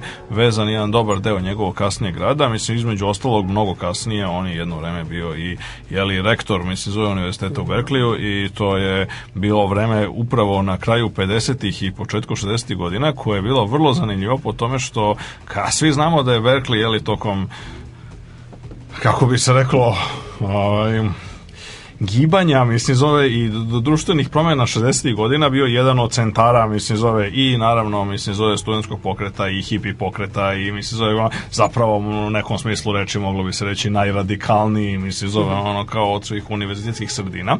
E, uslovi za to su dobrim delom, mislim zove, i to jedna od stvari koja se, mislim zove, dobrim delom, mislim zove, može pripisati upravo Siborgu, mislim zove, pošto je on u to vreme, mislim zove, kad je bio kad je bio zove rektor, znači od 1958. do 1961. je upravo bio početak zove celog pokreta tog, ono, sloboda govora, ne, rasne jednakosti, ovo, ono, zove svih tih stvari, zove koje karakterišu, zove te, ono, to što bi se reklo 60. godine. A, I na neki način, Misizoje Siborg je zapravo, Misizoje strahovito ovaj, podsticao, mislim, zove slobodu govora i sve te stvari na prvi pogled bi se moglo činiti s jedne strane, on je kao, on je uh, on je bio veliki pobornik, mislim, zove tih stvari, ajde sad kažemo, mislim da nije, nije baš bio hipik, ali ovaj, ali je, ali je svesrdno mislim bio mnogo daleko daleko liberalniji mislim nego što ne, nego ovaj. što je bila nego što su bila većina. S druge strane on je bio čovjek koji je imao sve vreme ono Rota eh, se trudio maksimalno da ajde tako da kažemo da kroz institucije mislim zove sistema što bi se reklo ovaj utiče mislim zove na, na, eh, na društvo. On je bio član eh, više veoma ovaj, uglednih i značajnih tela, između ostalog čak skoro 10 godina, mislim da je bio predsjednik eh, Komisije za atomsku energiju eh, i koja je jedna od, mislim da je najuglednijih i najznačajnijih organizacija, kao takav u tom svojstvu, on je uticao na potpisivanje i, i kao što je sam smatrao kad su ga pitali u jednom poznom intervju šta smatra svojim najznačajnijim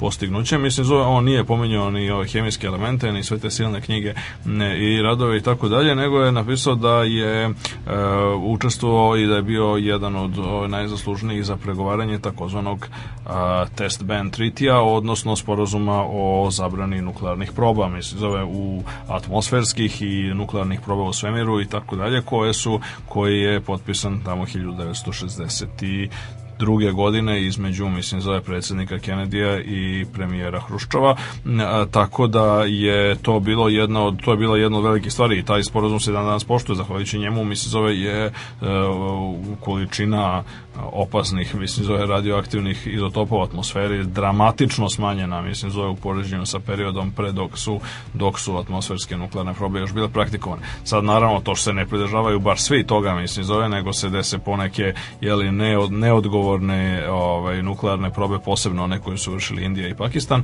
Ovaj, to je druga stvar, ali svejedno je to aktivnost mnogo manje obima nego ona koja je postojala, mislim, zove pre, pre potpisivanja ovog sporazuma i mnogo manje ima uticaj po atmosferu, klimu i sve ostalo. Dakle, e, ovaj, Siborg je bio veoma značajan i to je smatrao, mislim, zove lično ono najznačajnijim najznačajnijim ovaj, stanjima. On se takođe e, bavio i drugim problemima i sugerisao je nešto što je zapravo kasnije dobilo ime, mislim, zove kineski sindrom, popularno kineski sindrom, znači kao glavna opasnost koja proističe iz mirnodopskog korišćenja nuklearne energije, dakle da dođe do, e, do topljenja jezgra reaktora, to je upravo ono što se nažalost desilo u Černobilju, mislim, zove dosta kasnije, mislim, zove on je prvi dao, mislim, zove ta neka vrstu scenarija, mislim, zove kako bi to moglo da se desi i sugerisao da bi trebalo da se što pre preduzmu mere, mislim zove da se ovaj da se spreče, mislim zove takvi mogući incidenti i delimično zaslugom mislim zove njegovom, mislim da se nije bilo jednostavno u celom svetu su prihvaćene procedure mislim bezbednosti koje su mnogome smanjile, smanjile ne može uvek da se izbegnu sve te stvari kao što smo videli u Černobilju, ali ali da se da bi se smanjili akcidenti mislim zove tih vrsta. A, između ostalih stvari, sad, mislim, ima nekoliko zabavnih stvari o, o, iz njegovog ovako ličnog života, mislim, on je bio najfanatičnijih, kako bi se to reklo, hajkera, mislim, zove i šetača i čak postoji, mislim, nešto što se zove Glen Seaborg Trail, koji je predstavlja trajektoriju od nekih ono deseta kilometara koliko je on dnevno, mislim, zove šetao, mislim, zove kroz šumu dok je bio predsednik ove atomske komisije, on je imao tu e, o, u e, Germantown u Marylandu, mislim, zove ima, ima okolo neko Siborga šume, mislim zove i dan danas ljude vode, mislim zove i pokazuje to i to se zove Glen Siborg Trail, mislim zove ta hmm. ono putanja koju on inače svaki dan prelazi i to već u podmaklim godinama, mislim zove, tako da je bio onako fanatik što bi se reklo ono šetanje u prirodi, hmm. mislim zove i tome slično. E, bio inače fanatik sportova, mislim zove i, i, i kao rektor u Berkliju, mislim zove je, ono kažu da ono otprilike nije propuštao, mislim zove ni jednu utakmicu, mislim lokalnu i ragbi, mislim zove ne znam i bezbol i tako dalje, mislim univerzitetskih timova i, i ovaj, strahovito kao da je mnogo uradio, mislim zove na afirmaciji sporta, mislim zove na univerzitetima i tako dalje.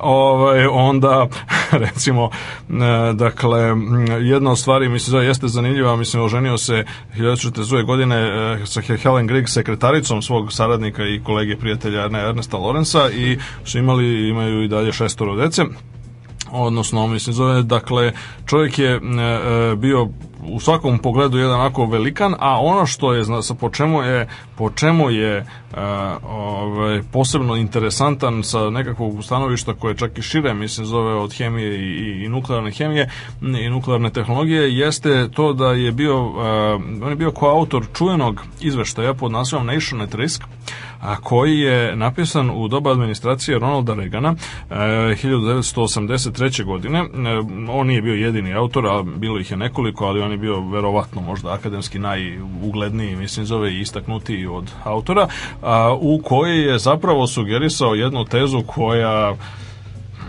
kažem, iako nije nikakva, nije nova i o, ovaj, nije nešto, mislim, bila je poznata i, i pre njega, ali je kako da kažem, teško dolazi do ušiju ovaj, političara i ovih raznih društvenih aktera na sceni, a naime on je zapravo već sam naslov reporta, mislim, zove Nation at Risk.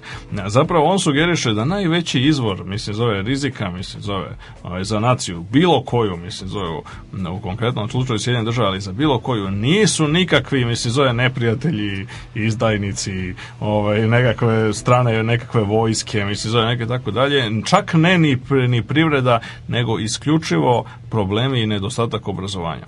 I da je to zapravo ono što predstavlja najveći rizik, mislim, zove po... E, I to je na neki način, mislim, zove, to je, to je bilo, ovaj, to je potpuno uh, bilo suprotno, mislim, zove svom duhu i tadašnjem hladnoratovskom, mislim, zove, ali, nažalost, mislim, zove taj način razmišljanja političara da je obrazovanje nešto što je na 51. rupa na svirali, mislim, zove i što moramo mi sve druge stvari pre toga, mislim, zove i vojsku i policiju, mislim, zove i ono tešku industriju i međunarodno, ono sve drugo mora da bude preče, mislim, zove i važnije nego što je obrazovanje. E, to je nešto protiv čega, mislim, zove se ovaj report i, mislim, zove Siborg i drugi autor autori, mislim, zove su se izrazito borili. Oni su analizirali, mislim, zove rezultate počeo od mm, nekakvog osnovnoškolskog nivoa, preko srednjoškolskog, mislim, zove fakultetskog i tako dalje, ali su se posebno zadržali na ovim, ajde da kažemo, nižim i srednjim nivoima obrazovanja i oni su tu zaista zaključuju, mislim, zove, da mm, je to, znači, e, opadanje ili e, stagnir, ili u najboljem slučaju stagnacija mm. E, nivoa osnovnog i srednjeg obrazovanja u periodu, mislim, u kome se nauka i tehnologija dramatično razvijaju, u kome u suštini potrebno home. sve više, mislim, zove znanje da bi čovjek bio e, obrazovan, aktivan i ozbiljan učesnik, mislim, zove u raznim mm, da, tehnološkim, tehnološkim procesima, mislim, koji su, koji su relevantni, je zapravo nešto što e, dugoročno gledano, mislim, zove predstavlja veliki, veliki rizik. I to je nešto što dovodi, oni kako su to naglasili, oni su to dovodi do erozije na raznim nivoima. Znači, ne samo to, mislim, zove što ljudi postaju nekompetentni, mislim, zove i nesposobni da se suoče, mislim, zove sa komplikovanim tehnologijama, sa komplikovanim komplikovanim izazovima, nego i jednog drugog razloga. Oni čak ukazuju na to, mislim, zove da ljudi i ono što se takođe, što je u Srbiji posebno aktuelno Evo, i što bi zaista Srbiji. mogli da, mogli da prihvatimo, a to je da, mislim, zove ne, loše obrazovanje dovodi do podložnosti ljudi indoktrinacijama a, razne vrste, mislim, zove posebno, ne samo, ne samo ovim pseudonaučnim, mislim, zove i ovim standardnim kao što su razna sueverija, mislim, zove tipa ono astrologija, hiromantija, nadrilekarstvo i slično, nego ili sa druge strane opet pak strah od ovaj, sunčevih oluja i slično, a, ovaj, ili a, čak i dovodi do, i do ono što takođe mislim da je, da je više nego aktuelno, ne bi dovodi do olakšane, znači ljudi koji su e, nedovoljno deficitarno obrazovani su, je, e, su mnogo podložniji manipulacijama u totalitarnih ideologija i uspostavljanju, mislim, zove raznih oblika totalitarnog pogleda na svet. A, kao posledica toga, mislim, zove, oni su ovaj, taj National Risk Report je čak sugeris, sugeris so you nekakve mere koje bi se mogle preduzeti, koje su bile, iako kažem, mislim, administracija predsjednika Regana to naručila, one su bile mere koje su predložene, su bile u ošto i to se zapazili su već tada posmatrači i to je bila, mislim, zove predmet velike debate. Znači, to ono kad se vidi, mislim, zove nasuprot u uobičajenom opet srpskom shvatanju, mislim, zove to je da e, ovdje, kako se to obično ovde kaže, mislim, zove kad ko, ko neko naruči neke istraživanje, mislim, zove izveštaj ili slično, mislim, zove on dobije rezultate kakve želi. E pa, mislim, zove kao što vidimo, to nije uvek i svuda slučaj slučaj. Evo, Reagan je dobio re rezultate i preporuke koje uopšte nije želeo. Mm -hmm. Između ostalog, mislim, zove, tamo su sugerisali da se poveća i produže, mislim, zove školske, e, školske godine, školske obaveže i tako dalje, da se i, što je najvažnije, mislim, zove, da se, da se daju Uh, sve vrste poreskih mislim zove olakšica mislim zove za, inve, za uh, privatne investicije u obrazovanje i da se da maksimalna znači uh, državna podrška mislim zove obrazovanju i radu mislim zove sa talentovanim i nadarenim učenicima eksplicitno se tako kaže ovaj, u samom reportu i znači to je sve bilo suprotno toga što se mislim zove Reagan zalagao za potpunu deregulaciju mislim zove za smanjenje uticaja države mislim zove to za naravno mislim zove tamo kažu isto mislim zove na ukazuju i na a, poguban uticaj mislim zove je li E, kako bi se reklo da, da sasvim oni su to naravno izrazili drugačije, ali da mi ovaj da, da se mi ne uvijamo kao Kišo Kragovica verske zatucanosti mislim zove na ovaj na obrazovanje, što je takođe bilo mislim zove nešto što je moglo da bude samo prst u oku, mislim zove Reganu koji se zalagao za molitve u školama i slično. E, dakle u tom smislu je e, zapravo to bio pravi primer mislim zove kako i opet kažem kako obrazovani odgovorni ljudi mislim zove rade i zaključuju mislim taj report i ono sve što je.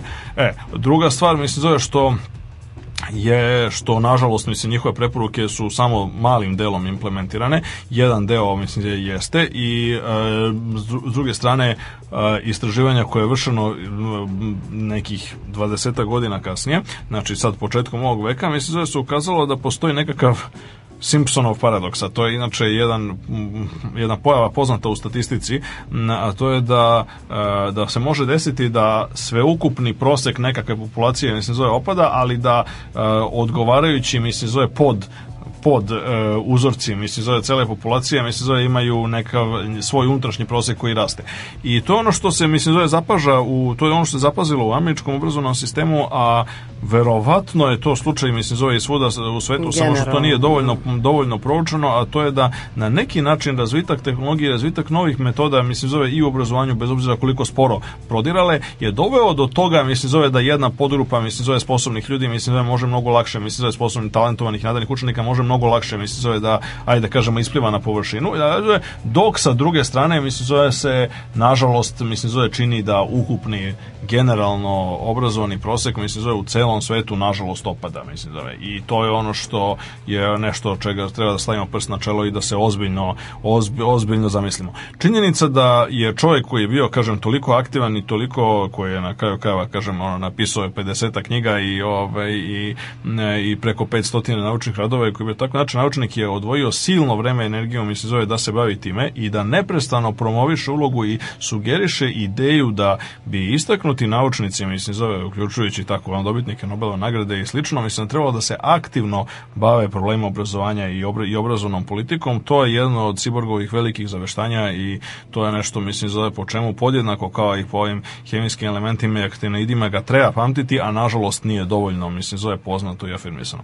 Za sam kraj, mislim, zove ove, ove teme o njemu jedna, mhm. jedna mm -hmm. zanimljivost, jedna zanimljiva anegdota, znači 1980. godine u laboratoriji u Berkliju, mislim da on je pretvorio nekih desetak hiljada atoma bizmuta u zlato ovaj, koristeći mislim zove novi novu eksperimentalnu tehniku mislim zove da ovaj, ukloni par protona, mislim, zove iz jezgra atoma bizmuta, pošto oni blisko u periodnom sistemu. E, I ta tehnika jeste, mislim, da bi se one uspio, kažem, da proizvede desete hiljada atoma e, zlata, ta tehnika je suviše, naravno, skupa, mislim, da bi se njome bavilo, mhm. da bi se ljudi bavili, mislim, proizvodnjom zlata na taj način, ali taj njegov, njegova, njegova metoda je možda najbliža, mislim, ljudi su radili po nešto toga i ranije, još od doba Rutherforda i same početka nuklearne hemije, ali ovaj, Siborgova metoda je najefikasnija najpametnija i najbolja e, za nešto što bi se moglo nazvati kamenom mudrosti drevnih alhemičara, to je kao što su hmm. alhemičari nekada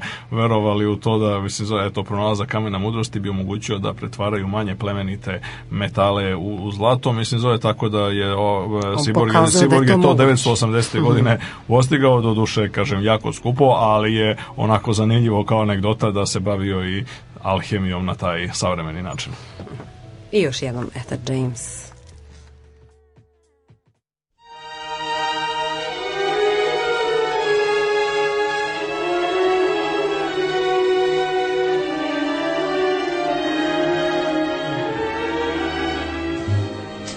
If you were mine, I could be a ruler of kings.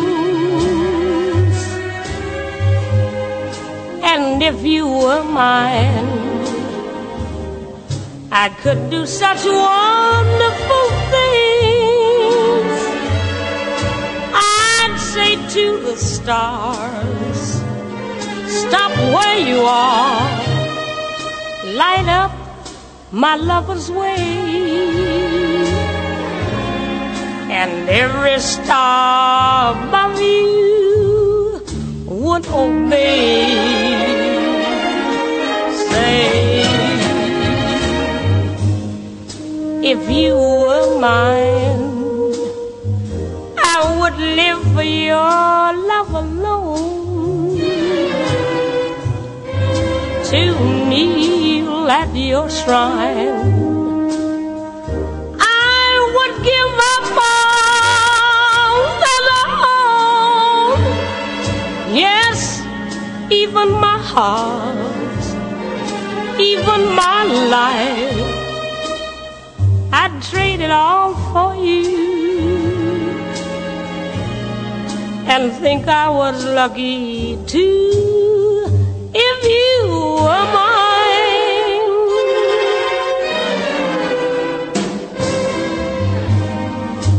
If you were mine. your love alone.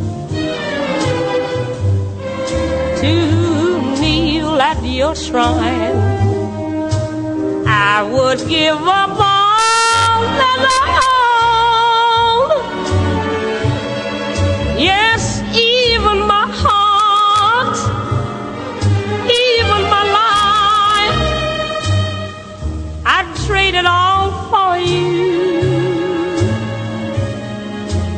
think I was lucky too.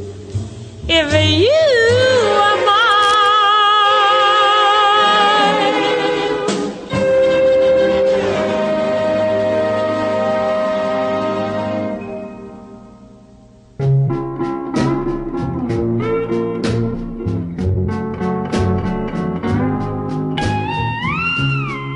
televizija je é, vrlo edukativna Svaki put kad neko upali TV, ja odem u drugu sobu da čitam knjigu. Prljava knjiga nikad nije prašnjava.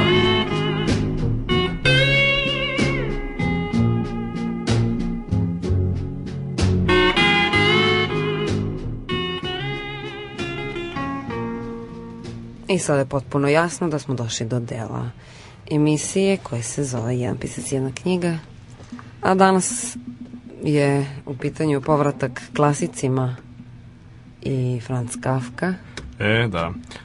I, dakle, Kafka Kafkin I zamak, zamak. Zamak, da. odnosno Das Schloss u originalu, onaj nezavršeni roman Franca Kafke, u ostalom sad moglo bi se diskutovati koje je njegovo delo uopšte završeno, kao što znamo, mm -hmm. kao što znamo sve je objavljeno posthumno i na neki način, mislim, prvo izdanje kao i kod drugih stvari 1926. godina, s tim što e, je zamak, mislim, po na neki način još nedovršeniji od ovaj, nego što se to inače mislim zove kod, kod Kafke može reći dakle o Kafki se manje više sve zna tako da nećemo, ovaj, nećemo mnogo ovaj, trošiti reči o tome ono što je zanimljivo jeste da zamak koji je eh, mnogo manje poznat od procesa ovaj, ima eh, nema istog protagonistu, mada se isto tako, mislim, zove glavni junak, zove samo K.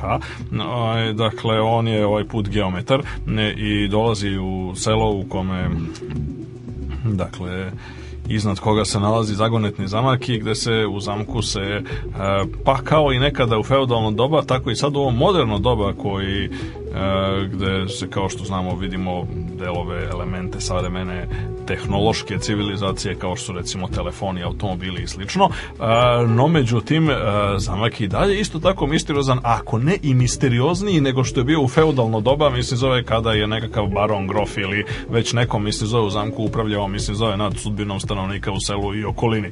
I na neki način je ovaj na neki način je je to nastavak one parabole fabule, mislim, zove, koja eh, se pojavljuje u Kafkinom procesu, mislim, zove, oko eh, čuvara eh, zakona i čovjeka koji pokušava da uđe, mislim, zove, u, da, da prođe kroz kapiju i sad čuvar ga stalno, mislim, zove, ono čeka, kaže, nije vreme još, ono, i tako dalje, možda malo sačekaš i tome slično. E, tako isto protagonista zamka, mislim, zove, na neki način pokušava da dođe u kontakt sa vlastima u zamku da bi na kraju krajeva odredili, mislim, zove, zašto su ga pozvali kao geometra, mislim, zove, kao geometar i čovjek, mislim, koji treba premeri neku zemlju, izvrši neku komasaciju ili nešto, mislim zove, da, dakle, treba da uradi, mi se zove neki zadatak, ali on uopšte ne dobija nikav zadatak, ni jednostavno na neki način ne zna šta da radi sam sa sobom, se zove, ovaj, u tom selu i nažalost, pošto kao što rekao smo, nezavršen je, nezavršen ono, mi ne znamo šta se tu zapravo dešava na kraju, a atmosfera je onako tamna i na momente, mislim, ima nekakve onako nadrealne i okultne elemente kao i u drugim Kafkinim delima i kao i, u drugima, kao i u drugima on opisuje na potpuno fascinantan način tu beskrenu frustraciju, mi se zove čoveka pojedinca, mi zove koji je na neki način suočen sa sistemom koji nije, koji je toliko komplikovan i koji u nekom smislu reči je čak i bez nekakve eksplicitne zle namere, čak i ako ne postoji, on jednostavno mislim da je e, frustrirajući birokratski na neki način je e, pokušaj pojedinca da, ispo, da, is, da nasuprot sistemu ispuni nekakve svoje individualne lične ciljeve uzaludan i, i beznadan.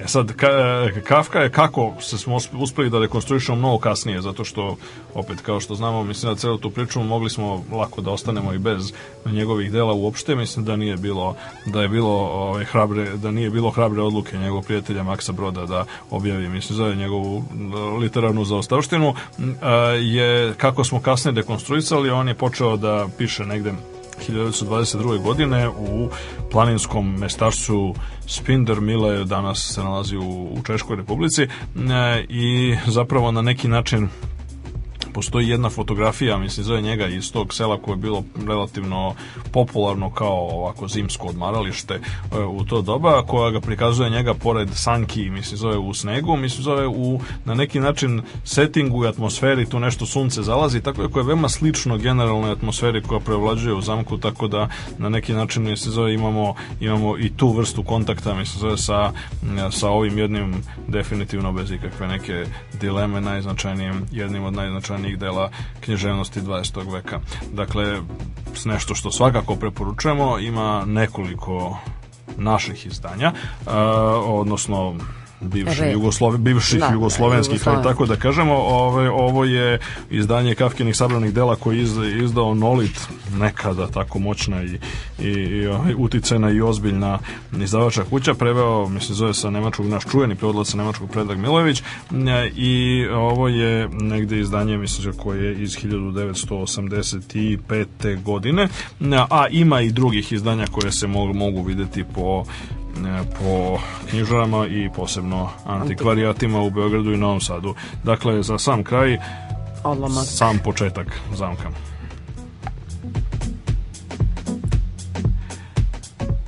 Bilo je dockan uveče kada je Ka stigao. Selo je ležalo u dubokom snegu.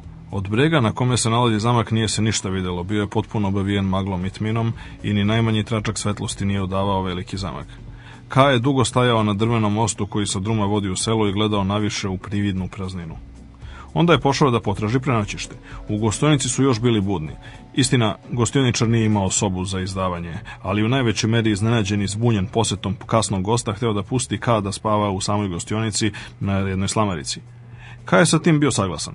Nekoliko seljaka još je pilo pivo, ali on nije hteo ni sa kim da razgovara, sam je Stavana doneo slamaricu i legao u blizinu peći. Tu je bilo toplo, seljaci su bili tihi, on ih još neko vreme umornim očima ispitivački posmatrao, a onda je zaspao.